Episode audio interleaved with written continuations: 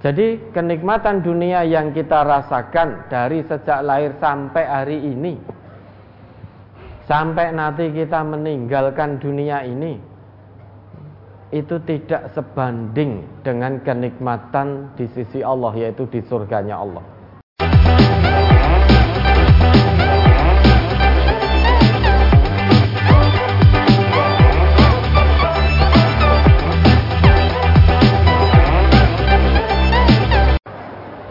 Assalamualaikum warahmatullahi wabarakatuh. Waalaikumsalam warahmatullahi wabarakatuh. Bapak Ibu, mari kita mulai. Bismillah. Bismillahirrahmanirrahim. Ya, alhamdulillah. Syukur kepada Allah atas nikmat ini. Ya, mari Ustaz Marjono. Ini Ustaz Marjono setelah sekian lama menghilang. Alhamdulillah. Beliau sehat-sehat saja. Mungkin ada pertanyaan dari brosur. Monggo. Yes, ada dua pertanyaan dari brosur. Ya. Yang pertama, halaman 5 masuk ke halaman 6. An Khabbab bin al-Aratti qala Syakauna ila Rasulillah sallallahu alaihi wasallam wa huwa mutawassidun burdatan lahu fi dhillil ka'bati. Qulna lahu ala tastansiru lana ala tad'ullaha lana? Qala kana rajulu fi man qablakum yuhfaru lahu fil ardi fayuj'alu fihi fayuja'u bil minsyari fayudau ala ra'sihi fayushakku bisnataini wa ma yasudduhu dzalika antinihi wa yumshatu bi amshatil hadidi maduna lahmihi min admin aw asabin wa ma yasudduhu dzalika antinihi wallahi la la yatimmanna hadzal amru hatta yasira raqibu min sun'ana ila hadra mauta. La yakhafu illallaha awidzibi ala ghanamihi walakinnakum tasta'jiluna. Rawahul bukhari. Dari Hobab bin Al-Arad ia berkata kami pernah mengadu kepada Rasulullah sallallahu alaihi wasallam Ketika itu beliau sedang berada di bawah naungan Ka'bah dengan berbantalkan kain selimut beliau. Kami berkata, apakah tidak sebaiknya engkau memohonkan pertolongan buat kami? Apakah tidak sebaiknya engkau berdoa memohon kepada Allah untuk kami? Beliau bersabda, Dahulu ada seorang laki-laki dari umat sebelum kalian dibuatkan lubang di tanah untuknya. Lalu ia dimasukkan di dalamnya. Lalu diambilkan gergaji. Kemudian gergaji itu diletakkan di kepalanya. Lalu ia dibelah menjadi dua. Namun hal itu tidak menghalanginya dari agamanya. Dan ada lagi yang disisir dengan sisir dari besi mengenai tulang dan urat di bawah dagingnya. Namun hal itu tidak menghalanginya dari agamanya. Demi Allah, sungguh urusan Islam ini akan sempurna sehingga orang yang mengendarai unta berjalan dari Sana'a ke Hadramaut tidak ada yang ditakutinya melainkan Allah atau terhadap serigala atas kambing-kambingnya akan tetapi kalian sangat tergesa-gesa. Hadis riwayat Bukhari juz 4 halaman 179. Pertanyaan berkaitan dengan hadis tersebut. Yang pertama, Sana'a dan Hadramaut itu nama suatu tempat atau istilah. Kemudian yang kedua, mohon dijelaskan hadis tersebut Ustaz. Son'a dan Hadramaut itu dua nama kota di daerah Yaman sana. Jadi San'a dan Hadramaut, jadi di Yaman sana ada dua kota itu namanya Son'a dan Hadramaut. Nah, itu dua nama kota yang ada di Yaman. Kemudian terkait dengan hadis ini, untuk menjalankan akidah itu ujiannya berat. Kenapa? Karena untuk meraih sesuatu yang sangat istimewa di hadapan Allah yaitu keridhaan Allah, surganya Allah itu harus melalui ujian demi ujian dulu. Makanya ini awalul bi'sah. Pada awal-awal kerasulan. Sahabat tadi Khobab bin Arab datang mengadu kepada Nabi. Ya. pada waktu itu Nabi sedang berada ya, di bawah naungan Ka'bah dengan berbantalkan selimut beliau Khobab bertanya ala tastan sirulana wa alla tata'allaha lana? Apakah tidak sebaiknya wahai Rasul engkau memohonkan pertolongan untuk kami? Dan apakah tidak sebaiknya wahai Rasul engkau berdoa kepada Allah untuk kami? Karena pada waktu itu umat Islam yang mengikuti seruan Rasulullah Sallallahu Alaihi Wasallam meninggalkan nenek moyangnya, kemudian masuk Islam secara totalitas, secara kafah itu mengalami tidak penyiksaan demi penyiksaan dari orang-orang kafir Quraisy. Jadi meninggalkan agama nenek moyang kemudian masuk Islam mengikuti agama yang dibawa oleh Nabi Muhammad sehingga mengalami penyiksaan demi penyiksaan tampaknya ya, tampaknya di antara sahabat Nabi itu ingin bersegera lepas dari cobaan demi cobaan itu. Bukan berarti tidak yakin kepada Allah, bukan berarti tidak yakin kepada Rasulullah. Justru karena sangat yakinnya kepada Allah dan Rasul, maka Khobab tadi memohon kepada Nabi. Agar Nabi memohonkan pertolongan kepada Allah untuk kaum muslimin. Agar terlepas dari siksaan demi siksaan, intimidasi demi intimidasi yang dilakukan oleh orang-orang kafir Quraisy.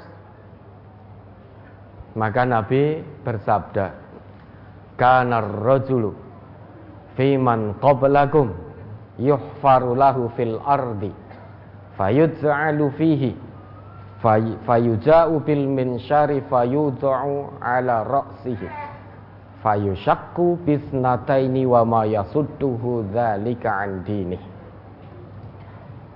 ya, dahulu ada seseorang dari umat sebelum kamu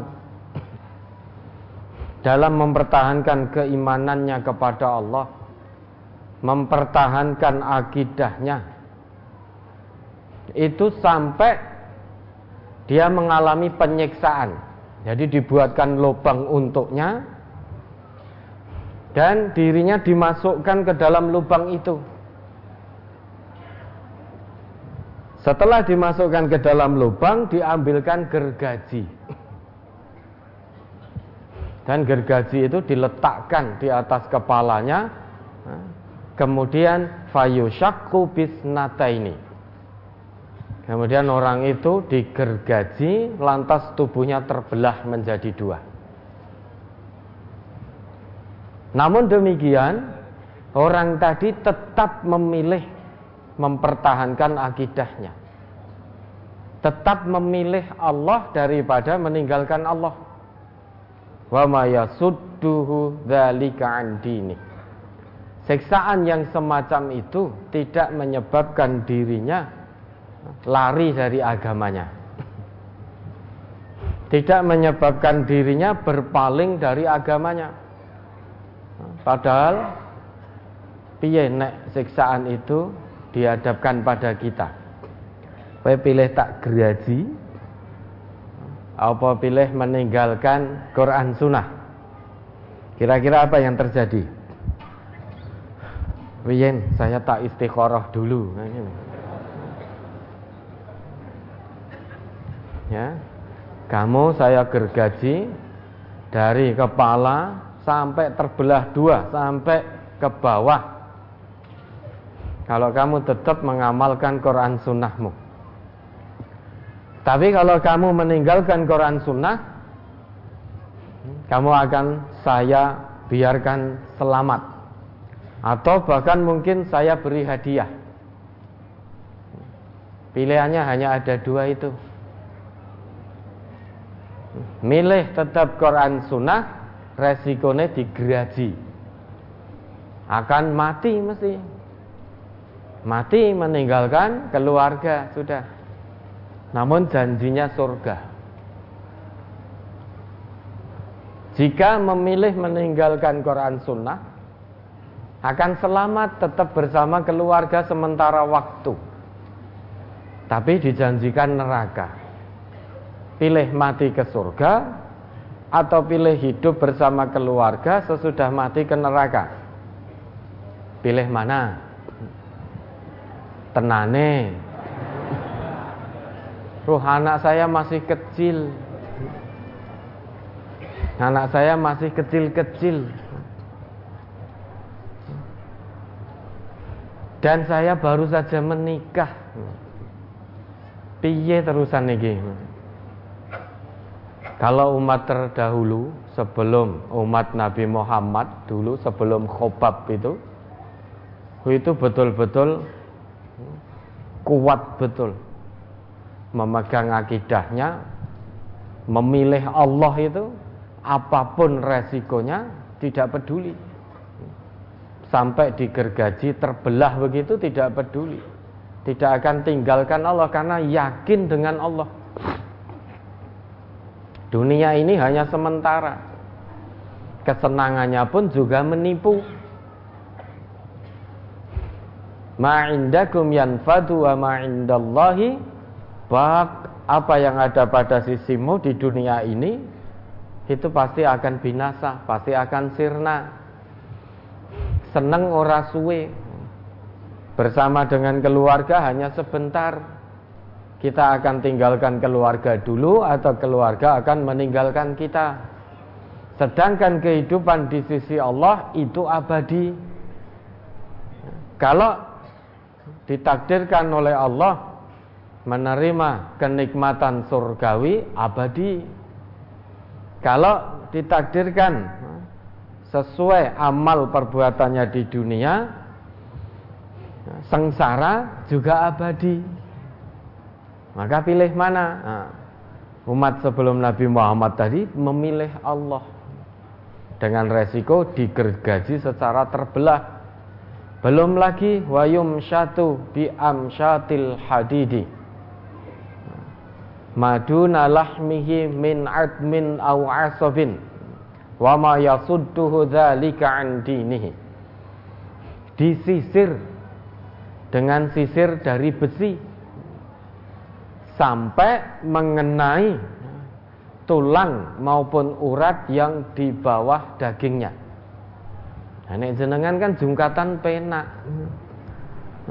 Ini sisirnya sisir dari besi. Man coba sisir dari besi ditekan begitu silahkan disisirkan ke kepala apa yang terjadi kulit kepala terkelupas dagingnya juga terkelupas sehingga sisir tersebut mengenai tulang dan urat yang ada di bawah daging. Rasanya bagaimana? Kita tidak tahu rasanya. Namun yang jelas mesti sakit sekali. Namun ternyata siksaan demi siksaan seperti ini ya, tidak menggoyahkan orang-orang yang punya keyakinan terhadap Allah zahiran wa batinan. Apa pun yang terjadi tetap milih Allah. Karena kalau sudah milih Allah akan mendapat keridhaan Allah, bahagia selama-lamanya. Mala ainun ra'at wala udhunun sami'at wala khatar ala qalbi bashar. Mendapatkan kenikmatan yang tidak pernah terlihat oleh matanya ketika di dunia. Mendapatkan kenikmatan yang tidak pernah terdengar oleh telinganya ketika di dunia mendapatkan kenikmatan abadi yang tidak pernah terlintas, tidak pernah dirasakan oleh dirinya ketika di dunia. Terlintas dalam benaknya pun tidak pernah. Jadi kenikmatan dunia yang kita rasakan dari sejak lahir sampai hari ini Sampai nanti kita meninggalkan dunia ini itu tidak sebanding dengan kenikmatan di sisi Allah yaitu di surganya Allah. Bahkan isi dunia ini di sisi Allah lebih bernilai satu helai sayap nyamuk dibanding dunia seisinya. Ini Nabi yang ngendiko. Laukanatid dunya ta'dilu indallahi janaha ba'udah masaqa kafiran minha syarbata ma'in. Lau jikalau dunia dan seisinya ini sebanding dengan satu helai sayap nyamuk di sisi Allah niscaya Allah tidak akan beri minum orang kafir itu meski hanya dengan seteguk air. Eman-eman. Andai kata dunia ini harganya di sisi Allah sebanding dengan satu helai sayap nyamuk, sebanding niscaya semua nikmat Allah akan dianugerahkan kepada orang yang beriman. Namun buktinya saat ini kita melihat Orang yang tidak beriman kepada Allah pun jangankan satu teguk. Ya, berteguk-teguk itu sampai ke melekeran. Ya dah diberi oleh Allah nikmat. Ini membuktikan bahwa dunia seisinya ini lebih rendah nilainya di hadapan Allah daripada satu helai sayap nyamuk. Dan di hadis lain Nabi kita juga ngendika Wallahi mad dunya fil akhirati. Illa mislu ma yaj'alu ahadukum isfa'ahu hadhihi fil yammi falyanzur bima yarji. Demi Allah kehidupan dunia ini jika dibandingkan dengan kehidupan akhirat itu hanya seperti salah seorang di antara kalian memasukkan jari telunjuknya ke dalam lautan kemudian mengangkatnya kembali fal yang bima yarji. Maka lihatlah seberapa banyak air yang menetes kembali dari telunjuk yang sudah terangkat kembali tadi. Panjenengan pernah ke laut? Pernah kemarin kan pas liburan itu? Ya toh beramai-ramai ke pantai. Ya sekarang besok lagi. Nah, besok lagi kalau ke laut jangan hanya sekedar seneng-seneng tapi lihatlah coba praktekkan apa yang menjadi ajaran-ajaran Nabi kita. Panjenengan datang sebelum melakukan sesuatu cobalah masukkan jari telunjuk dulu ke air laut itu. Jangan nengah-nengah kelep nanti sudah di pinggir saja, masukkan jari telunjuknya, kemudian setelah itu diangkat, lihat seberapa banyak yang menetes. Tetesan itulah kehidupan dunia, kenikmatan dunia. Sedangkan kenikmatan akhirat yaitu seluas air yang ada di samudra. Sebanyak air yang ada di samudra. Sedangkan kenikmatan dunia yang diperebutkan oleh semua makhluk Bukan hanya diperebutkan oleh manusia saja, namun diperebutkan oleh semua makhluk.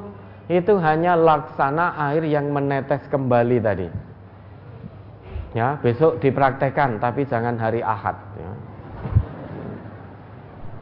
Dipraktekkan ke sana. Berapa banyak yang menetes kembali? Sangat-sangat sedikit. Namun demikian yang sedikit itu ternyata kita juga tidak mau ketinggalan. Ikut rebutan terus. Bahkan yang paling rakus itu manusia. Yang paling rakus itu manusia. Kalau hewan itu ya keluar pagi cari mangsa dapat makan sudah selesai. Sudah selesai, sudah merasa kona'ah. Hewan saja merasa kona'ah. Tapi manusia tidak. Manusia yang tanpa iman tidak. Sudah dijamin rezekinya oleh Allah, masih mengambil rezeki orang lain ijik korupsi masih mencuri ya, kalau ayam itu di pagi hari diberi makan makan kalau sudah kenyang berhenti manusia ini makan pakan ayamnya yo dimakan sak ayam ayamnya yo dimakan apakah boleh boleh asal disembelih dengan cara Islam. Nah, ini kalau kita ingin mengetahui. Lah tampaknya orang yang betul-betul yakin dengan janji Allah, ya, yakin itu pekerjaan hati ya. Sekali lagi yakin itu pekerjaan hati. Itu dinamakan iman. Yakin itu pekerjaan hati, maka dinamakan iman. Keyakinan itu kalau sudah tertanam kuat dalam hati maka akan jadi komitmen. Komitmen dalam menjalani kehidupan ini tunduk patuh kepada Allah. Sehingga apa pun yang terjadi tidak akan ada yang ditakuti kecuali Allah. Karena yakin betul apa pun yang terjadi wallah mutim munuri. Allah pasti akan sempurnakan cahayanya sebagaimana terusan dalam sabda Nabi tadi wallahi la yatimanna hadzal amru hatta yasira rakibu min sun'a ila hadra maut la yakhafu illallah awidhi'ba ala ghanamihi walakinnakum tasta'jilun demi Allah. Itu sumpah Nabi. Demi Allah. Layatimanna hadal amru. Sungguh perkara Islam ini pasti akan sempurna. Atas pertolongan dan izin Allah. Hatta yasirar rakib min san'a ila hadramaut hingga nanti jika ada pengendara unta hmm, berjalan dari San'a ke Hadramaut la yakhafu illallah. Dia tidak akan takut apa pun, tidak akan takut gangguan musuh lagi di tengah jalan. Karena kondisinya aman. Yang dia takuti hanya Allah. Atau dia hanya akan takut serigala terhadap domba-dombanya. Dia tidak takut apa pun lagi.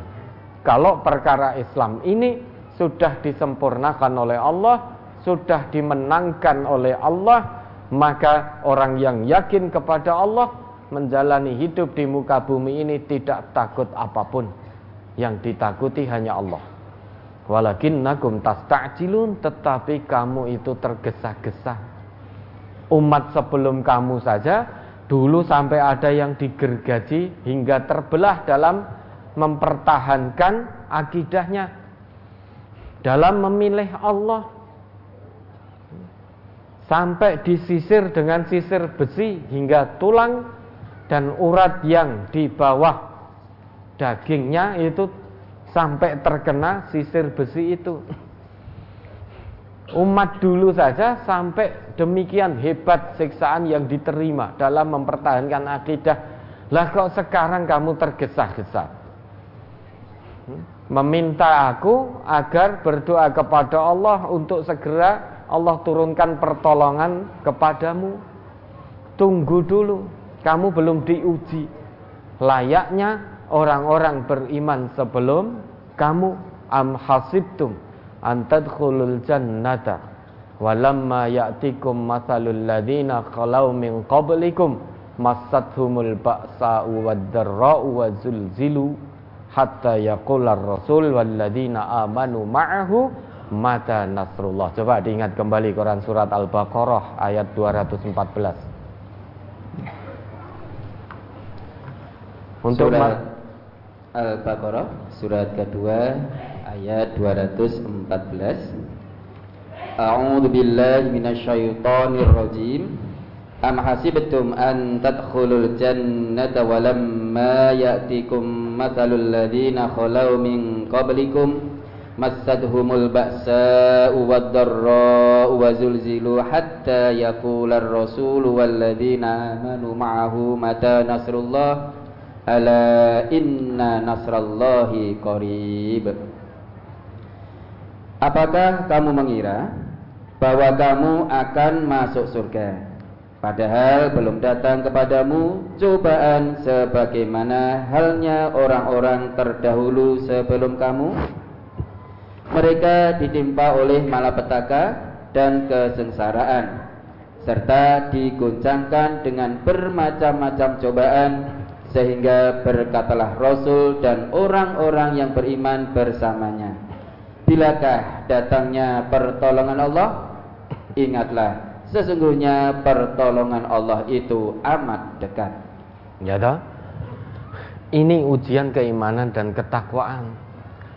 Maka kalau kita menerima tiga jenis ujian dari Allah yang Allah sebutkan di ayat ini bersyukur. Berarti dijanjikan oleh Allah dengan surganya. Ketiga macam bentuk ujian ini pertama al-ba'su malapetaka. Tingkatannya masih ringan. Al-ba'su. Kalau sudah lulus diuji iman dan takwanya dengan ujian yang ringan lulus maka akan meningkat menjadi adzurru. Adzurru itu sedang keberat. Biasanya itu sudah mengenai fisik.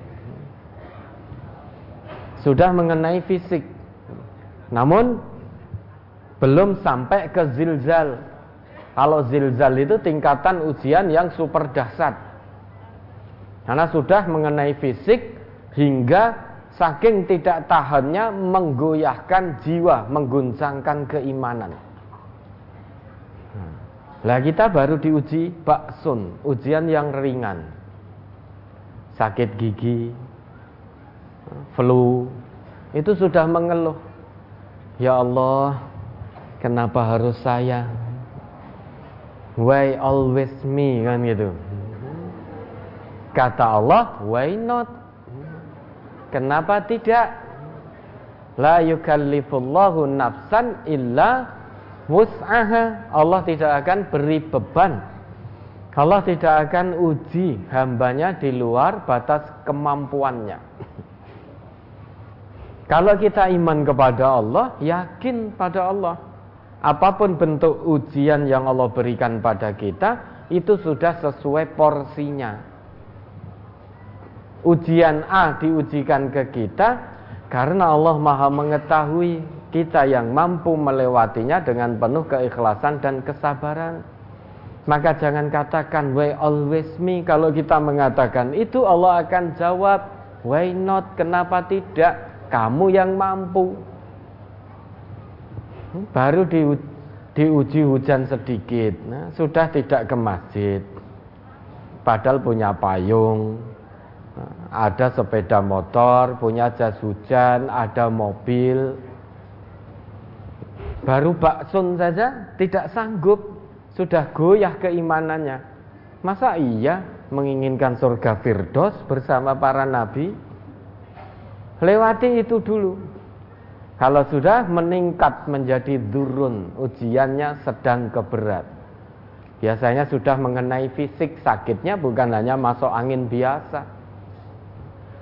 Tapi sakitnya sudah kategori-kategori yang berat. Namun hamba Allah yang yakin kepada Allah tetap ikhlas menjalaninya. Ikhlasnya bukan pasif.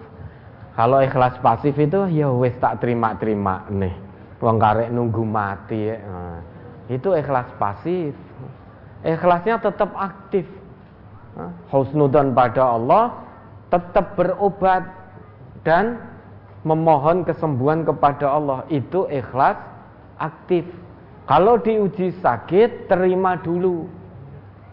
Jangan ditolak.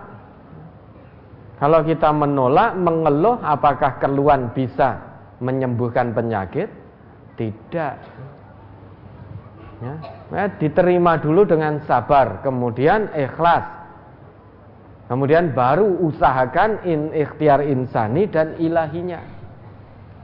Kalau itu sudah bisa, sampai ada hamba Allah itu yang diuji dengan zilzal, terguncang jiwanya saking dahsyatnya ujian. Ya, digergaji sampai terbelah. Disisir dengan sisir besi. Mungkin di, juga dibakar. Mungkin disayat-sayat. Eh intinya dipiloro lah. Namun hamba Allah tetap yakin dengan Allah. Zilzal itu guncangan mengguncangkan jiwa saking beratnya sampai-sampai hampir goyah keimanannya. Mata Nasrullah, kapan datangnya pertolongan Allah? Dijawab langsung oleh Allah, ala inna nasrallahi qarib. Lah inilah ujian keimanan dan ketakwaan hamba-hamba Allah yang istimewa. Jangan terburu-buru. Jangan terburu-buru lah Alhamdulillah setelah agama ini disempurnakan oleh Allah Apalagi kita ditakdirkan oleh Allah Hidup di negeri Yang ramah ini ya. NKRI Negara Kesatuan Republik Indonesia. Kita diberi kebebasan sebebas-bebasnya untuk mengamalkan agama kita. Untuk ngaji tadabur Al-Quran maka bersyukurlah. Bersyukurlah. Fabi ayyi ala rabbikuma tukadziban kalau kondisi aman tentram seperti saat ini itu tidak kita syukuri kita malas tadabur Quran malas mengamalkan Quran dan sunnah bagaimana jika kondisinya tidak aman? Tiba-tiba jenengan dipaksa untuk meninggalkan Quran Sunnah dipaksa tidak bisa ngaji. Kalau tetap menjalankan Quran Sunnah akan digergaji akan disisir pokoknya disakiti. Namun jika meninggalkan Quran Sunnah akan dibiarkan hidup. Nah itu kondisi pilihan yang sulit. Kalau aman saja menjalankan agamanya hanya dengan ongkang-ongkang kaki tanpa mujahadah apalagi kondisi tidak aman. Maka disyukuri nikmat Allah ini. Ya ada lagi? Halaman 8 An Saubana qala. Qala Rasulullah sallallahu alaihi wasallam la tazalu ta'ifatun min ummati zahirina 'alal haqqi. La yadurruhum man khadalahum hatta ya'tiya amrullahi wa hum kadzalik. Muslim. Dari Sauban ia berkata Rasulullah sallallahu alaihi wasallam bersabda akan selalu ada segolongan dari umatku yang menampakkan kebenaran tidak akan memudorotkan kepada mereka orang yang menentangnya sehingga Allah mendatangkan perintahnya. Sedangkan mereka tetap demikian itu. Hadis riwayat Muslim juz 3 halaman 1523 nomor 170 mohon penjelasan dari hadis tersebut. Itu sudah sangat jelas sekali. Ya Meski di tengah-tengah kerusakan umat, tengah-tengah rusaknya zaman, di mana orang mungkin takut atau mungkin malu-malu untuk menyuarakan Quran Sunnah, tetap akan ada segolongan dari umatnya Nabi Muhammad yang tidak mau ikut-ikutan rusak. Kan ada istilah apa itu? Zaman edan nek edan ora keduman. Tetap akan ada sekelompok umatnya Nabi Muhammad milih ora keduman tetap menyuarakan kebenaran, tetap menyuarakan Quran Sunnah karena itu yang menjadi warisan Nabi kita. Taraktu fikum amroini lan tadillu ma masaktum bihima kitab Allah wa sunnata nabiyyi. Itu warisan Nabi kita. Kitab Allah Al-Quran dan sunnahnya. Itu disuarakan dan dipegang teguh betul.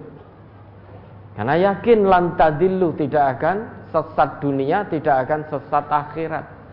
Apa pun resiko dan konsekuensinya. La tazalu ta'ifatun min ummati dhahirina 'alal haq. La yadurruhum man khadalahum. Hatta ya'tiya Allah hatta ya'tiya amrullah wa hum kadzalika akan senantiasa ada. Di saat zaman sekarang ini orang umumnya berbohong, berdusta, dia tetap akan milih kejujuran. Saat sekarang ini untuk eh, mendapatkan keuntungan pribadi meski harus dengan jalan fitnah, meski harus dengan cara menjatuhkan kehormatan orang lain, dia tetap akan memilih kejujuran dia tetap akan memilih menjaga kehormatan orang lain. Di saat sekarang ini orang berbondong-bondong untuk memenuhi kebutuhan perutnya dengan cara yang haram, sesulit apa pun tetap akan ada sekelompok umat Nabi Muhammad yang memilih mencari rezeki secara halal. Meski dapatnya hanya sedikit, di saat sekarang ini banyak orang yang ngakunya Islam namun malu-malu untuk menyuarakan Quran Sunnah tetap akan ada sekelompok umat dari Nabi Muhammad yang terus dengan gencar menyuarakan Quran Sunnah apa pun resiko dan konsekuensinya. Karena yakin la yadurruhum man khodalahum au khalafahum. Tidak akan bisa memadorotkan orang-orang yang zohiruna alal haq yang tetap menampakkan menyuarakan kebenaran itu tidak akan bisa ditimpa madorot oleh orang-orang yang menentangnya oleh orang-orang yang menyelisihinya karena apa menyuarakan kebenaran dinullah ini penolongnya langsung itu adalah Allah. Tempat bergantungnya langsung Allah. Pelindungnya Allah. Sedangkan Allah itu sebaik-baik pelindung, sebaik-baik penolong. Adapun manusia-manusia yang benci ketika Quran dan Sunnah disuarakan, ingin menimpakan madorot, biasanya hanya akan merasakan kepuasan sesaat seolah-olah bisa menghentikan dakwah Quran, bisa menghentikan dakwah sunnah. Namun pada akhirnya hancur. Apa pun rencananya wa makru ulaika huwa yabur. Coba diingat itu ayatnya. Fatir kalau tidak salah. Ayat 10 yang berbunyi apa itu akhir ayatnya itu astagfirullah wa makru ulaika huwa yabur akhir ayatnya itu bunyinya surat Fatir surat ke-35 ayat 10 ya. Man kana yuridul izzata falillahil izzatu jami'a ilaihi yas'adul kalimut thayyibu wal amalus salihu yarfa'u. Walladzina yamkuruna as-sayyi'ati lahum adabun syadid wa makru ulaika huwa yabur Barang siapa yang menghendaki kemuliaan Maka bagi Allah lah kemuliaan itu semuanya. Kepadanya lah naik perkataan-perkataan yang baik Dan amal yang soleh dinaikkannya. Dan orang-orang yang merencanakan kejahatan bagi mereka azab yang keras Dan rencana jahat mereka akan hancur. Nah ini janji Allah maka bagi orang-orang yang tetap istiqomah menyuarakan kebenaran dinullah ini di tengah-tengah rusaknya zaman, rusaknya umat yang halal dikatakan haram, yang haram dikatakan halal. Pernikahan sesama jenis, pernikahan beda agama menjadi marak. Rusak namun tetap akan ada sekelompok umat. Karena dia hanya mengharapkan kemuliaan di sisi Allah. Dia tidak pedulikan kemuliaan di hadapan manusia. Bagaimana mungkin manusia bisa memberi kemuliaan pada orang lain sedangkan dia juga pasti mati? Manusia tidak bisa memberi kemuliaan kepada manusia yang lain. Maka jangan silau untuk mendapatkan kemuliaan di hadapan manusia. Jangan silau tidak dipandang oleh manusia tidak apa-apa. Tidak tenar. Tidak tenar di kalangan penduduk bumi tidak masalah la baksa namun tenar di kalangan penduduk langit. Itu yang kita cari kemuliaan di sisi Allah. Jangan silo ingin mendapatkan ketenaran di hadapan manusia untuk apa tenar di hadapan manusia namun tidak dikenal di tengah-tengah penduduk langit? Rugi. Hasirat dunia wal akhirah. Orang yang seperti ini rugi dunia, rugi akhirat. Rugi dunia kenapa? Ketenarannya hanya sesaat. Itu pun yang kenal hanya segelintir orang, tidak semuanya. Begitu selesai, nyawanya diambil, sudah selesai. Paling keluarganya nangis sehari dua hari tiga hari. Habis itu terus yang masih hidup tetap melanjutkan kehidupannya. Maka cari kemuliaan itu di hadapan Allah. Jangan gentar.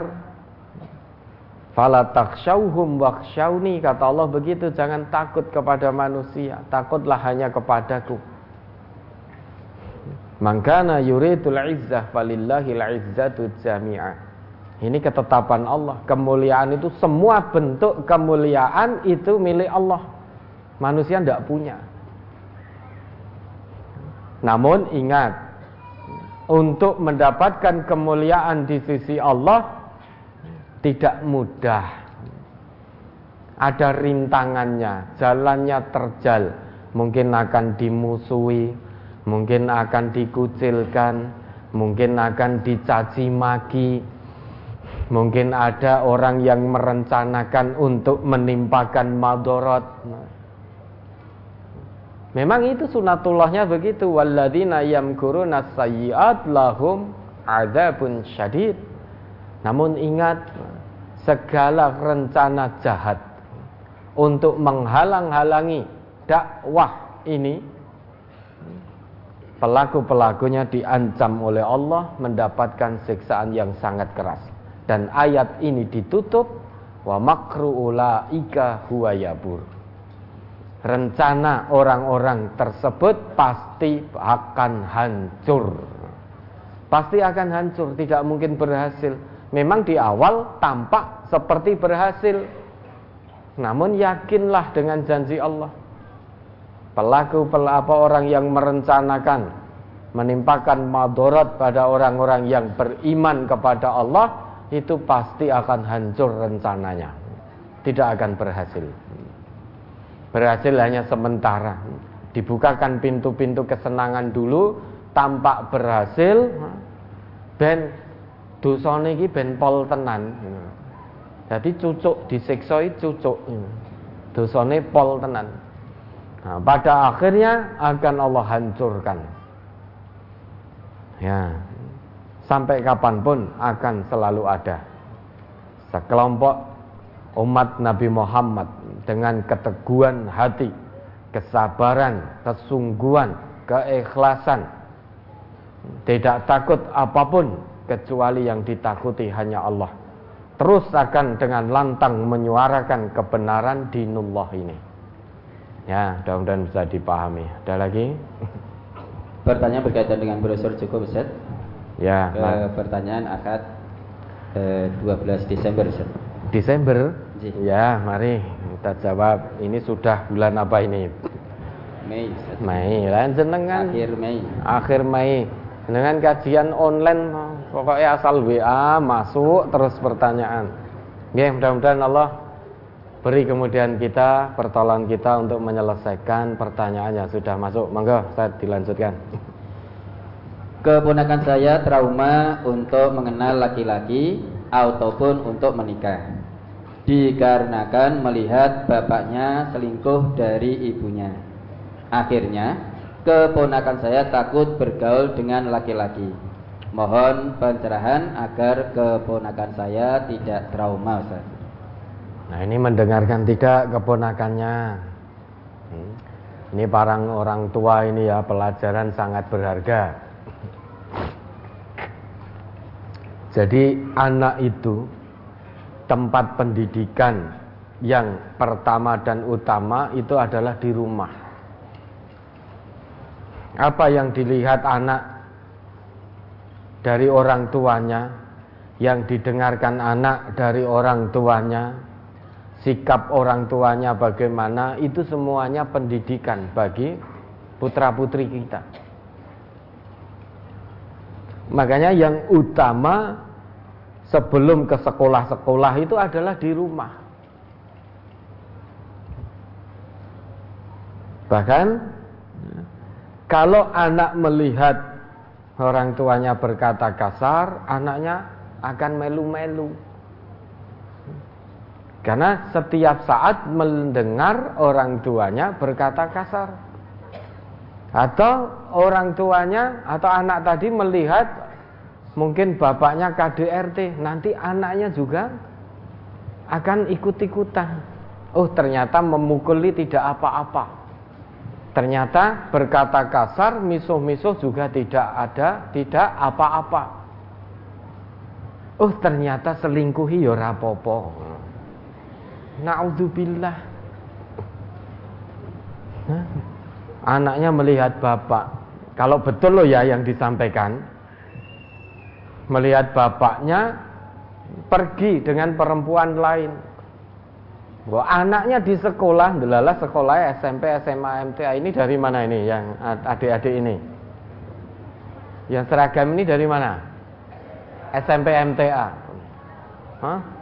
Gurunya memberi pendidikan, nak, ya, haram pacaran itu.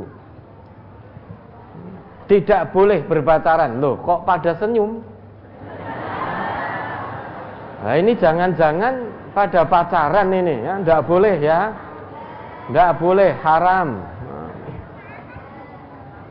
Gurunya memberi nasihat seperti itu, namun ada anak di SMP yang setiap saat di rumah melihat bapaknya pergi dengan perempuan lain.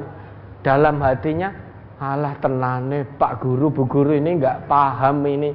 Lah buktinya bapak saya loh. Pergi dengan perempuan lain. Ini hati-hati. Jangan orang tua ini hati-hati. Kullukum ra'in wa kullukum mas'ulun an ra'iyyati. Setiap dari kalian itu pemimpin dan akan ditanya tentang kepemimpinannya. Salah satunya warrajulu ra'in fi ahlihi wa mas'ulun an ra'iyyati. Seorang suami itu sebagai kepala rumah tangga, pimpinan dalam keluarganya.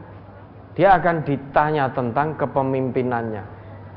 Tidak ada yang gratis kita di dunia. Kita sudah diciptakan oleh Allah, diberikan anugerah yang begitu luar biasa, namun nanti semua titipan Allah ini akan dimintai pertanggung jawabannya. Kita sebagai orang tua hati-hati berikan pendidikan, pengajaran yang baik pada generasi kita. Kalau betul apa yang disampaikan. Namun demikian bisa jadi itu bukan trauma juga, mungkin belum ada laki-laki yang mau melamar. Maka tanyakan Ustadz Ghazali itu ya, pokoknya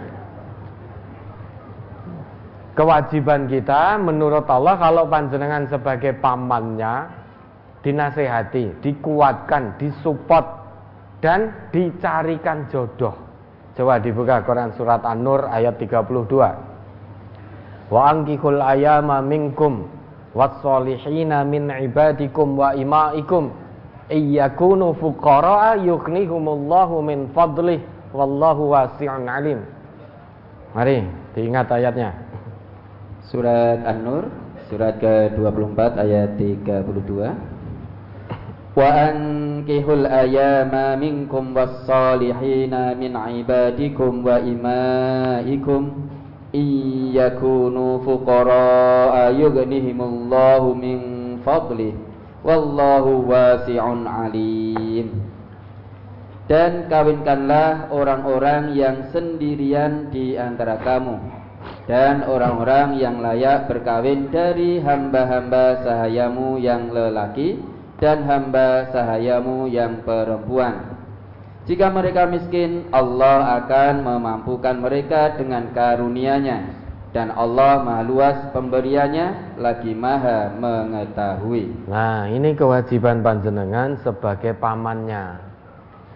Mencarikan jodoh untuk keponakannya tadi. Carikan jodoh yang agamanya baik, yang agamanya baik itu yang utama. Perkara fisik itu relatif. Kekayaan itu bisa diusahakan. Namun agama ini yang paling utama. Fatfar bidatidin taribat yadak. Kata Nabi gitu. Pegang teguhlah agamanya dalam mencari urusan jodoh. Misalnya kamu akan beruntung dunia akhirat saya akan beruntung. Ya kalau bisa memang empat kriteria dari Nabi. Kalau tidak bisa, tiga boleh hilang, yang satu jangan sampai hilang, yaitu agamanya. Kalau agama tidak baik, meski ganteng, meski sugih, meski keturunan baik-baik, selingkuh dia. Karena agamanya tidak baik, Allah saja setiap saat ditipu, apalagi hanya istrinya. Atau istri juga selingkuh. Wes naik ngono bales dendam. Istrinya selingkuh wes padha edane nek itu. Rumangsane suaminya biar juga sakit hati. Lah untuk apa? Membalas dendam perbuatan suami wong dapatnya dosa besar di sisi Allah. Makanya cari jodoh itu yang paling utama agamanya. Biasanya kita kan wah yang penting mapan, ganteng, cantik, lagi ora salati mengke saged dibimbing alon-alon gitu. Itu kan kita. Mbak coba dibalik. Coba dibalik ini pekerjaannya masih belum mapan, belum bukan PNS, bukan dokter, bukan bisnismen, namun ini agamanya bagus, taatnya pada Allah luar biasa. Tidak pernah ketinggalan dalam berbuat kebaikan. Mbok coba terus kemudian ya bismillah itu akan saya jadikan menantu. Perkara ekonomi nanti pelan-pelan. Mbok gitu, tapi kan kita biasanya ini sholatnya masih bolong-bolong gih mengke dibina alon-alon. Kalau masalah ekonomi itu bisa pelan-pelan. Namun jika masalah agama, seprono seprene itu masalah hati agama itu. Namun banyak orang tua, ya termasuk kita ini, pilih yang ngono tinggu anake, oh pokoke sing sugih sik. Ora salat, ora apa-apa, engko karo dikandani. Padahal menurut Nabi itu untuk mengajarkan anak kita sholat sejak usia berapa? 7 tahun atau 27 tahun? tujuh tahun. Sampai usia sepuluh, kalau sepuluh tahun belum mau sholat, pukul. Pukul loh ya, bukan hajar. Lah ini sudah mau nikah. Usia 27 tahun, kecilik ngakune Islam. Usia 30 tahun, kecilik ngakune Islam. Sholatnya masih bolong-bolong. Lah kok mau diajari alon-alon? Kenapa tidak ekonominya saja yang dibimbing pelan-pelan? Pilih pundi? Pilih mana? Menantu kaya mapan ora sholat. Menantu sholat taat pada Allah ning ekonomine pas-pasan. Pilih mana kira-kira?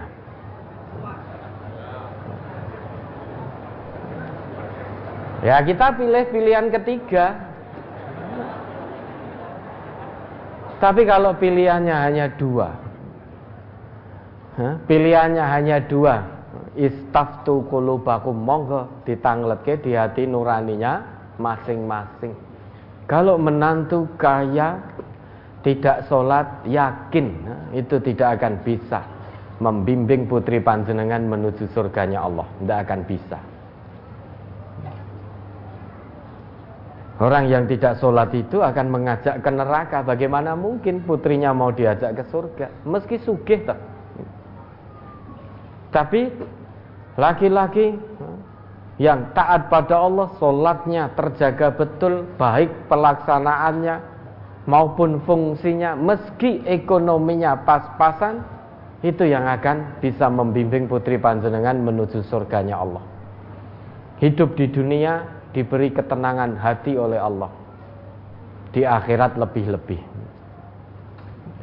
Nah ini kewajiban panjenengan mencarikan jodoh keponakannya tadi sambil dinasehati dikuatkan terus. Ya, ada lagi. Umur saya 26 tahun. Dalam pikiran saya sekarang semakin tambah umur seperti takut menikah karena tidak punya apa-apa penghasilan tidak menentu. Mohon motivasinya Ustaz. Tidak punya apa-apa pripun, punya nyawa no. Pilih punya rumah, punya mobil, tapi nggak punya nyawa. Atau pilih punya nyawa, nggak punya rumah, nggak punya mobil. Yang penting punya nyawa dulu rumah, mobil, dan lain sebagainya, ekonomi itu bisa diusahakan. Kalau nggak punya nyawa, punya rumah, punya mobil, arep ngopo terusan. Lalu kemarin pas covid kemarin jenengan tidak punya oksigen saja bingung. Meski punya mobil mewah, rumah megah, tapi nggak punya tabung oksigen. Oksigennya langka. Umpama tiba-tiba ada yang ngijoli bu atau pak mobilin jenengan saya tukar dengan tabung oksigen niki nggih. Mau ndak? Wah mau banyak yang mau. Karena apa? Sesak nafas bawa di rumah mewah ya tetap sesak nafas. Ya nggak bisa nafas bawa masuk ke mobil mewah juga sesak nafas selama tidak pakai oksigen Nah kok tidak punya apa-apa gimana? Kok seolah-olah Allah tidak pernah berbuat baik? Lo bisa hidup sampai umur 26 no. Itu kalau bukan anugerah Allah, bukan karunia Allah, terus dari siapa? Maka wala tayasu mir rauhillah.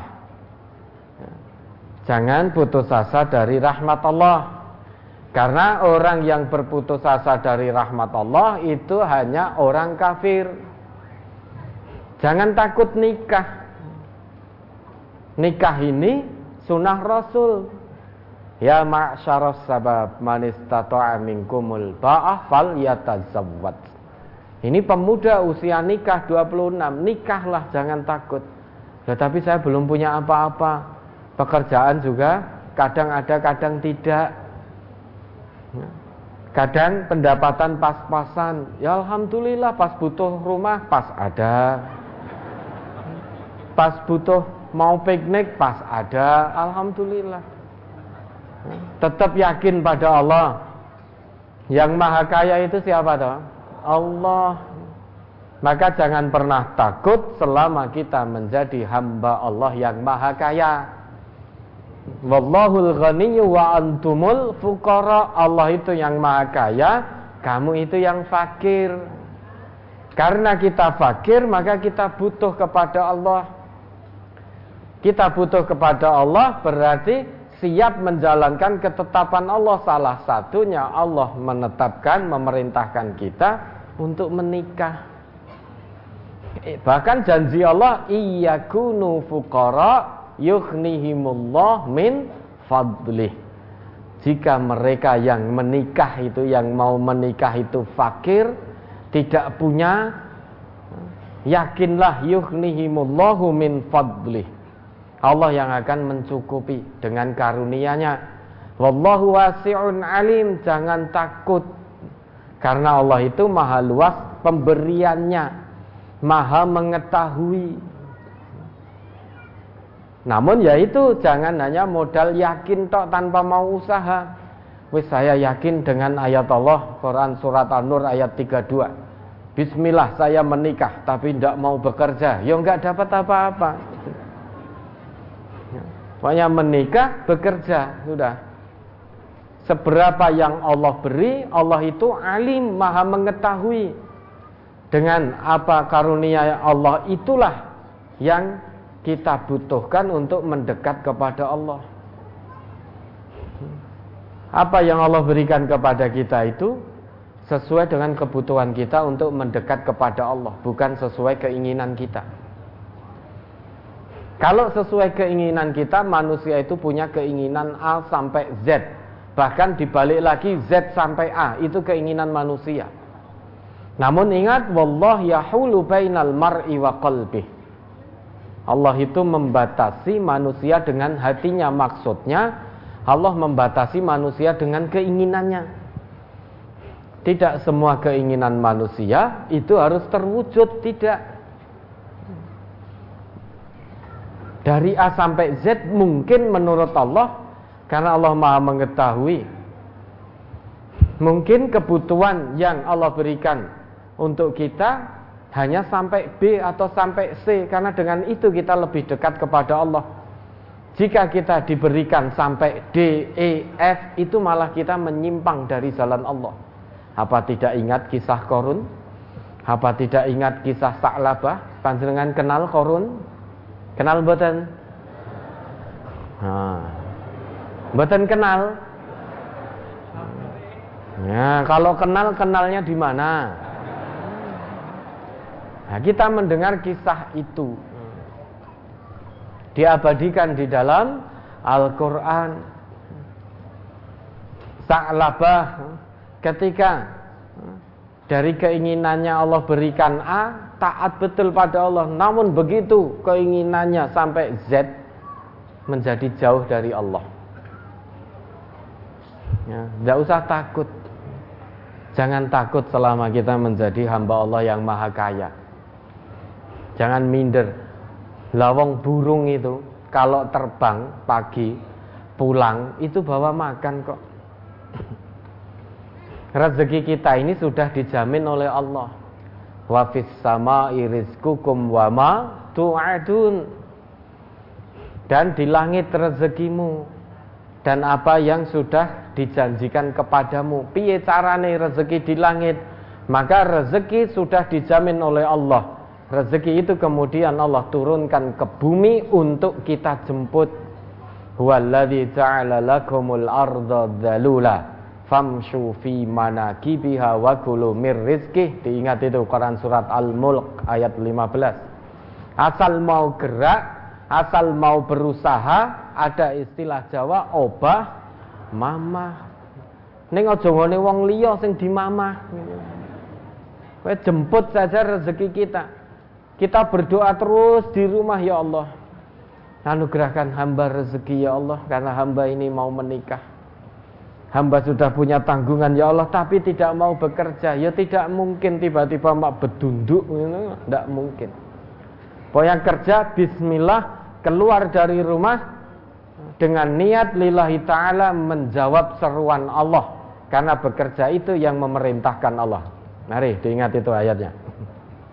Surat Al-Mulk surat ke-67 ayat 15. Walladzi ja'ala lakumul arda dhalulan famshu fi manakibiha wa kulu mir rizqih wa ilaihin nusyur. Dialah yang menjadikan bumi itu mudah bagi kamu.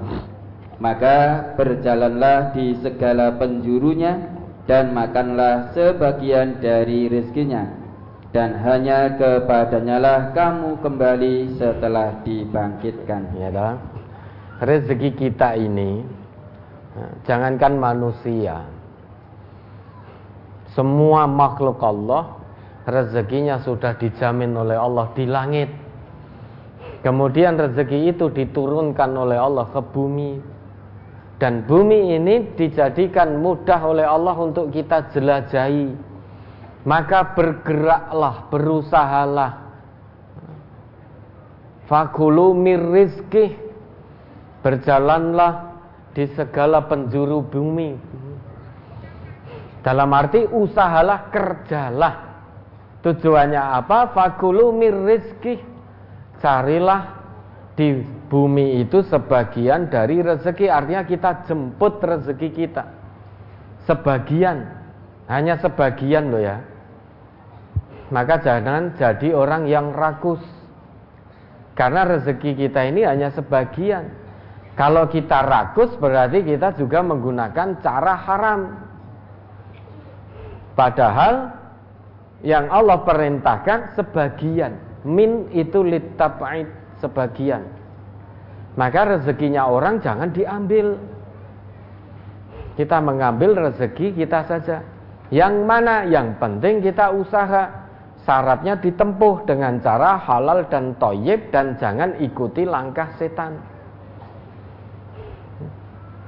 Dalam arti sesulit apa pun tetap berusaha mencari rezeki yang halal asal obah jaminannya dari Allah mamah maka bismillah kerja, berusaha. Tujuannya bukan untuk mencari uang, tujuan utamanya karena menjawab seruan Allah, menjawab perintah Allah. Kalau kita bekerja tujuan utamanya biar dapat uang, oleh sidik ngresulo. oleh oke, okay, kurang oke. Okay. Maka korupsi gajinya sudah besar masih kurang karena tujuannya hanya untuk mendapat uang. Ya toh? Punyanya orang lain juga diambil. Namun jika kita kerja tujuan utamanya menjawab seruan Allah sedikit atau banyak Allah akan berikan rasa kona'ah, rasa syukur, rezeki yang penuh berkah. Maka pemuda tadi jangan takut menikah. Ya. Nikah, bekerja dan berusaha serta terus memohon kepada Allah. Yakinlah dengan janji Allah. Berapa banyak dulu pemuda yang tidak punya, begitu menikah menjadi punya. Karena karunia Allah. Dah, yakini, yakini janji Allah dalam hati, tanamkan kuat-kuat dalam hati, kemudian tempuh ikhtiarnya. Pasti akan Allah akan saudara dapati janji Allah itu. Ya, ada lagi. Apabila seorang suami merasa memiliki hasrat seksual sedangkan istri dalam kondisi head, suami menghendaki dilayani istri dengan berjumbu sampai ejakulasi tanpa persetubuhan. Namun di akhir kejadian, istri memberi nasihat, harusnya lebih bersabar sampai istri selesai haid. Mohon nasihat Ustaz, mana yang lebih utama antara bersabar sampai istri selesai haid atau istri melayani semaksimalnya Ustaz? Ini anak-anak SMP ini paham pertanyaan ini.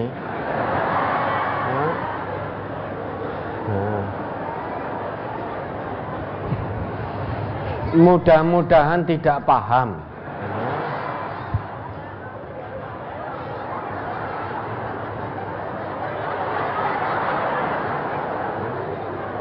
Makanya penting kan dalam agama ini kaliminna ala qadri uqulihim. Bicaralah pada lawan bicara sesuai dengan kadar pikirannya masing-masing.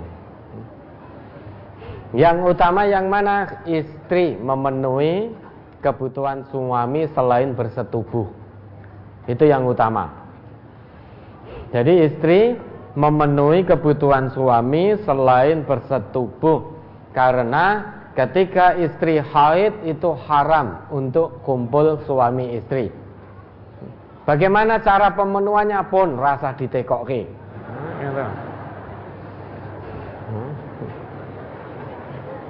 Tidak usah ditanyakan.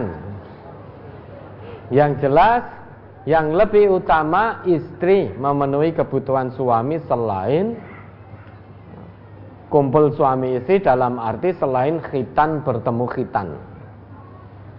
Paham ya? Ya, pon, buatan sah tekon neko neko meleh. Ya, ada lagi.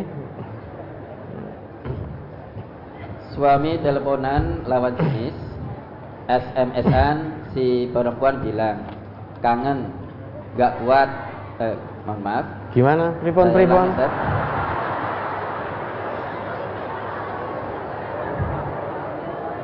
Suami teleponan lawan jenis, SMS-an si perempuan bilang kangen, gak kuat bangun mas, lemes mas. Suami sudah saya kasih tahu beberapa kali. Suami bilang, heleh barang ngono. Aku sebagai istri gak segan-segan mengingatkan terus. Yang demikian itu bagaimana Ustaz? Loh kok ditanyakan bagaimana piye? Itu belum lagi aku nggak bisa hidup tanpamu. Yang suami sudah punya istri yang halal kok masih mencari pintu yang haram itu bagaimana? Ini suami yang tidak bersyukur. Apalagi perempuan tadi juga masih punya suami. Ini hati-hati sekali ya. Makanya Nabi itu dulu pernah ditanya. Su'ila Rasulullah sallallahu alaihi wasallam an aksari ma yudkhilun nasan naro. Ya. Dulu Nabi pernah ditanya tentang sesuatu yang paling banyak menyebabkan seseorang itu masuk neraka. Beliau menjawab al-famu wal farju. Mulut dan kemaluan. Ini sudah punya pintu halal. Tapi masih menanggapi pintu haram. Mendekati zina awalnya memang dekat-dekat begitu lewat WA, lewat SMS, nanti sekarang SMS sudah tidak ada. Melalui WA, habis WA kemudian apa itu video callan, video call. Kemudian meningkat lagi masing-masing melihat aurat satu dengan yang lain. Naudzubillah. Lama-lama bertemu Bertemu di rumah makan masih dilihat orang banyak. Lama-lama wah kok ora asik. Ketika bertemu dilihat orang banyak, ora asik. Ora iso ngopo-ngopo selain makan. Setan tambah pinter. Lama-lama ke mana? Sembunyi dari manusia. Mencari tempat yang sepi sehingga berdua-duaan lah seiki kalau laki-laki dewasa, perempuan dewasa berduaan di tempat yang sepi, itu apa yang dilakukan? Mosok belajar kelompok.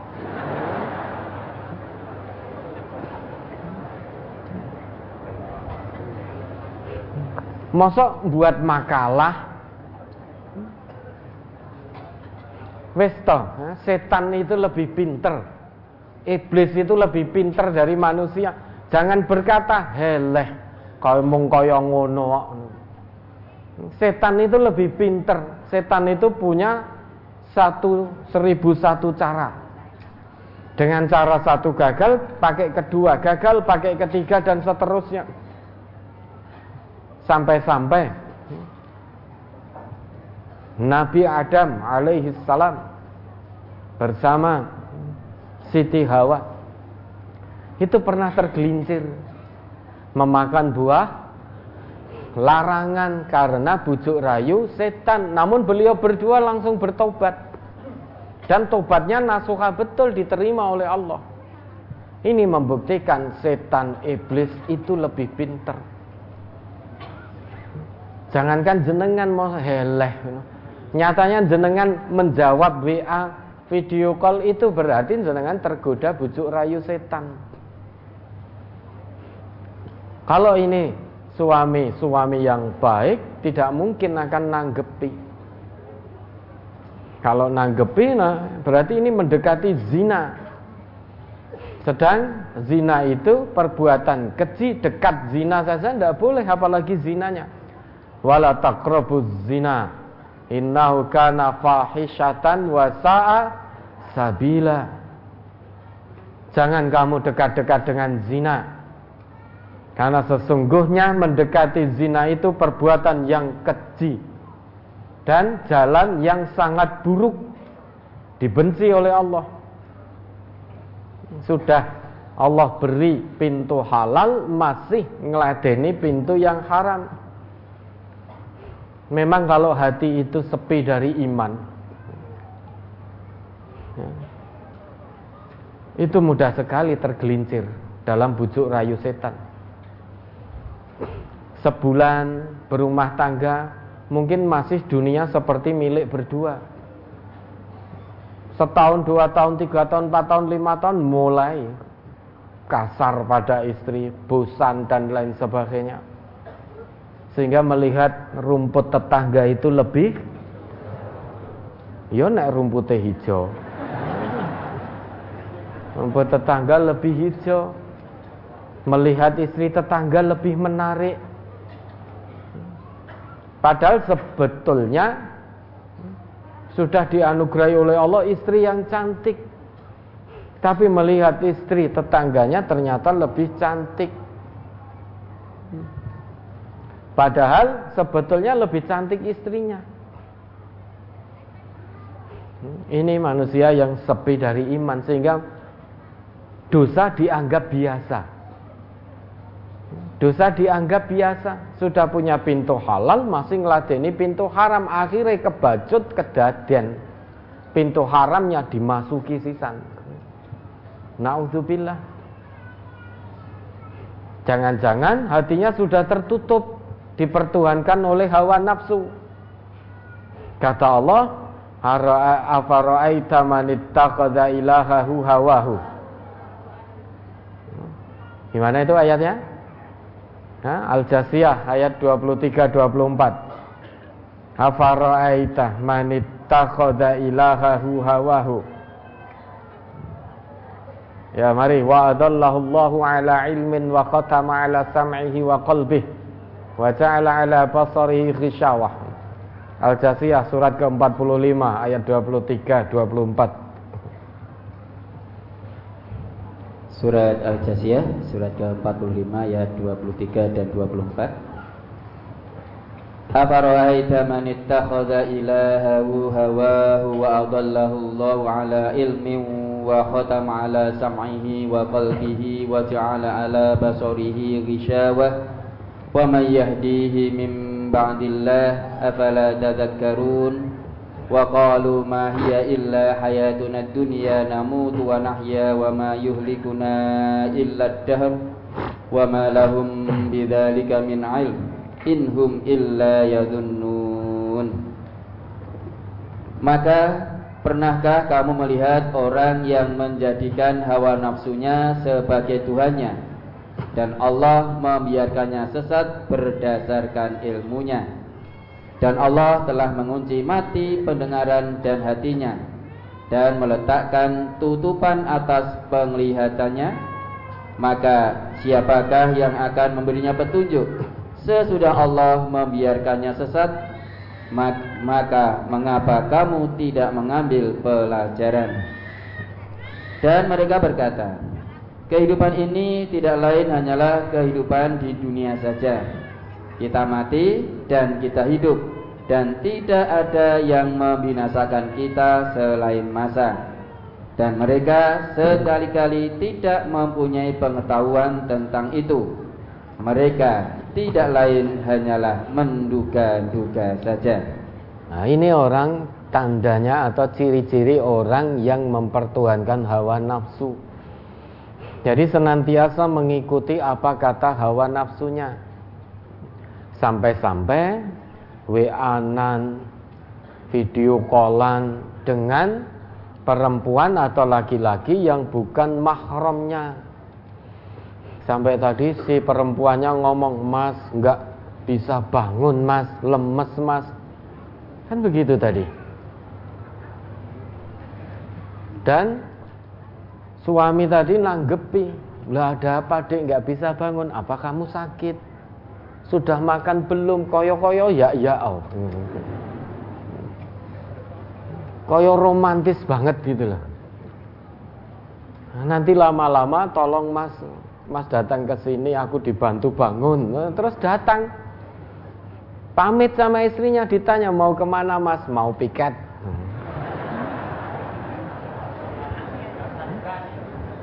Miketi istrinya orang,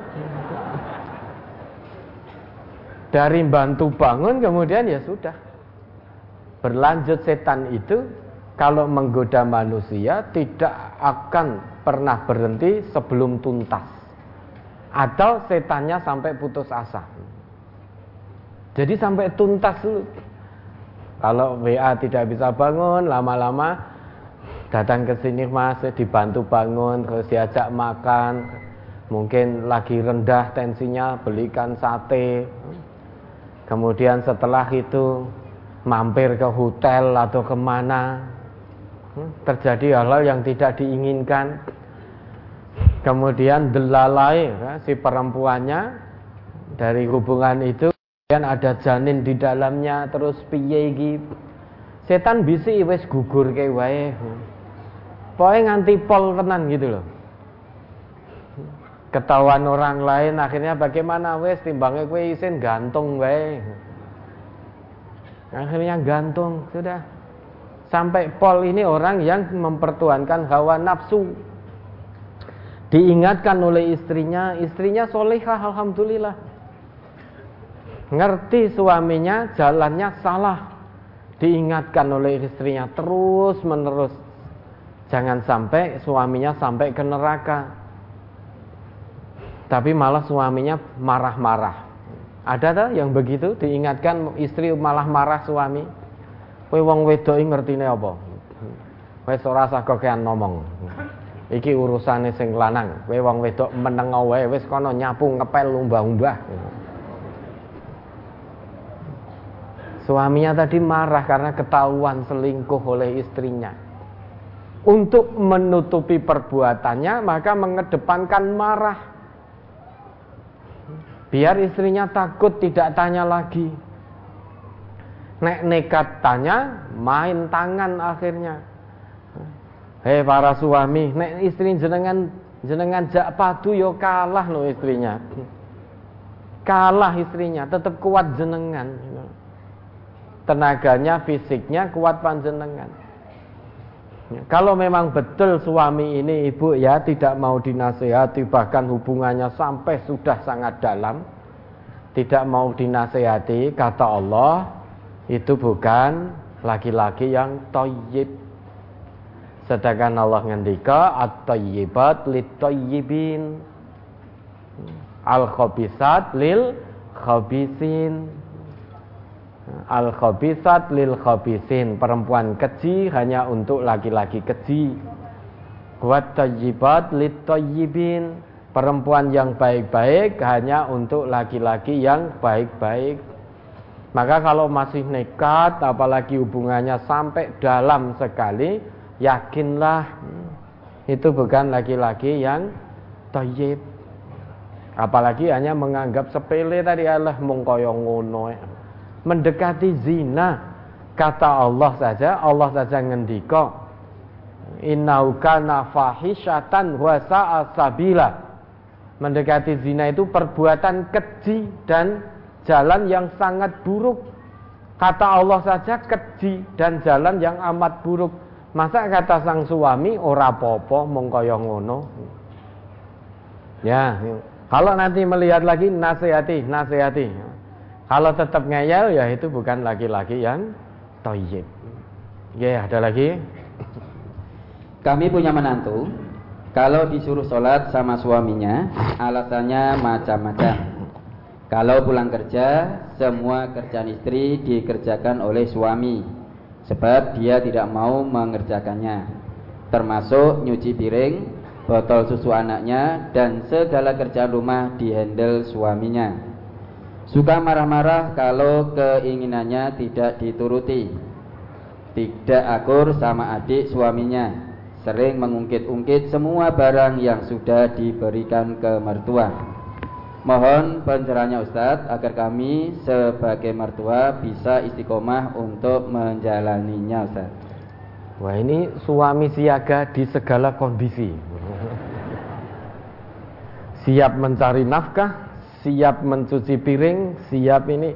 Apa ndak boleh? Boleh mau membantu istrinya. Tapi kalau memang betul yang disampaikan, kok ya kebangetan istrinya. Nah ini kewajiban anak ibu sebagai suami itu kawamu na'alan nisa membimbing istrinya. Ngandani nasihati ibu sebagai mertua tidak perlu ikut campur. Karena nanti ibu sebagai mertua secara manusiawi biasanya membela anaknya sendiri.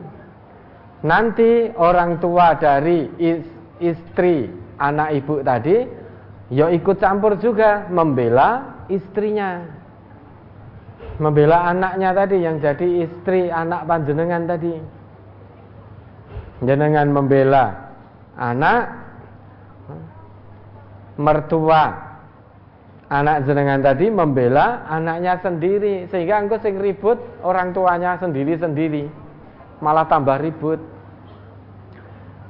Dah dinasehati saja anaknya, le, nang, itu kewajibanmu sebagai kepala rumah tangga.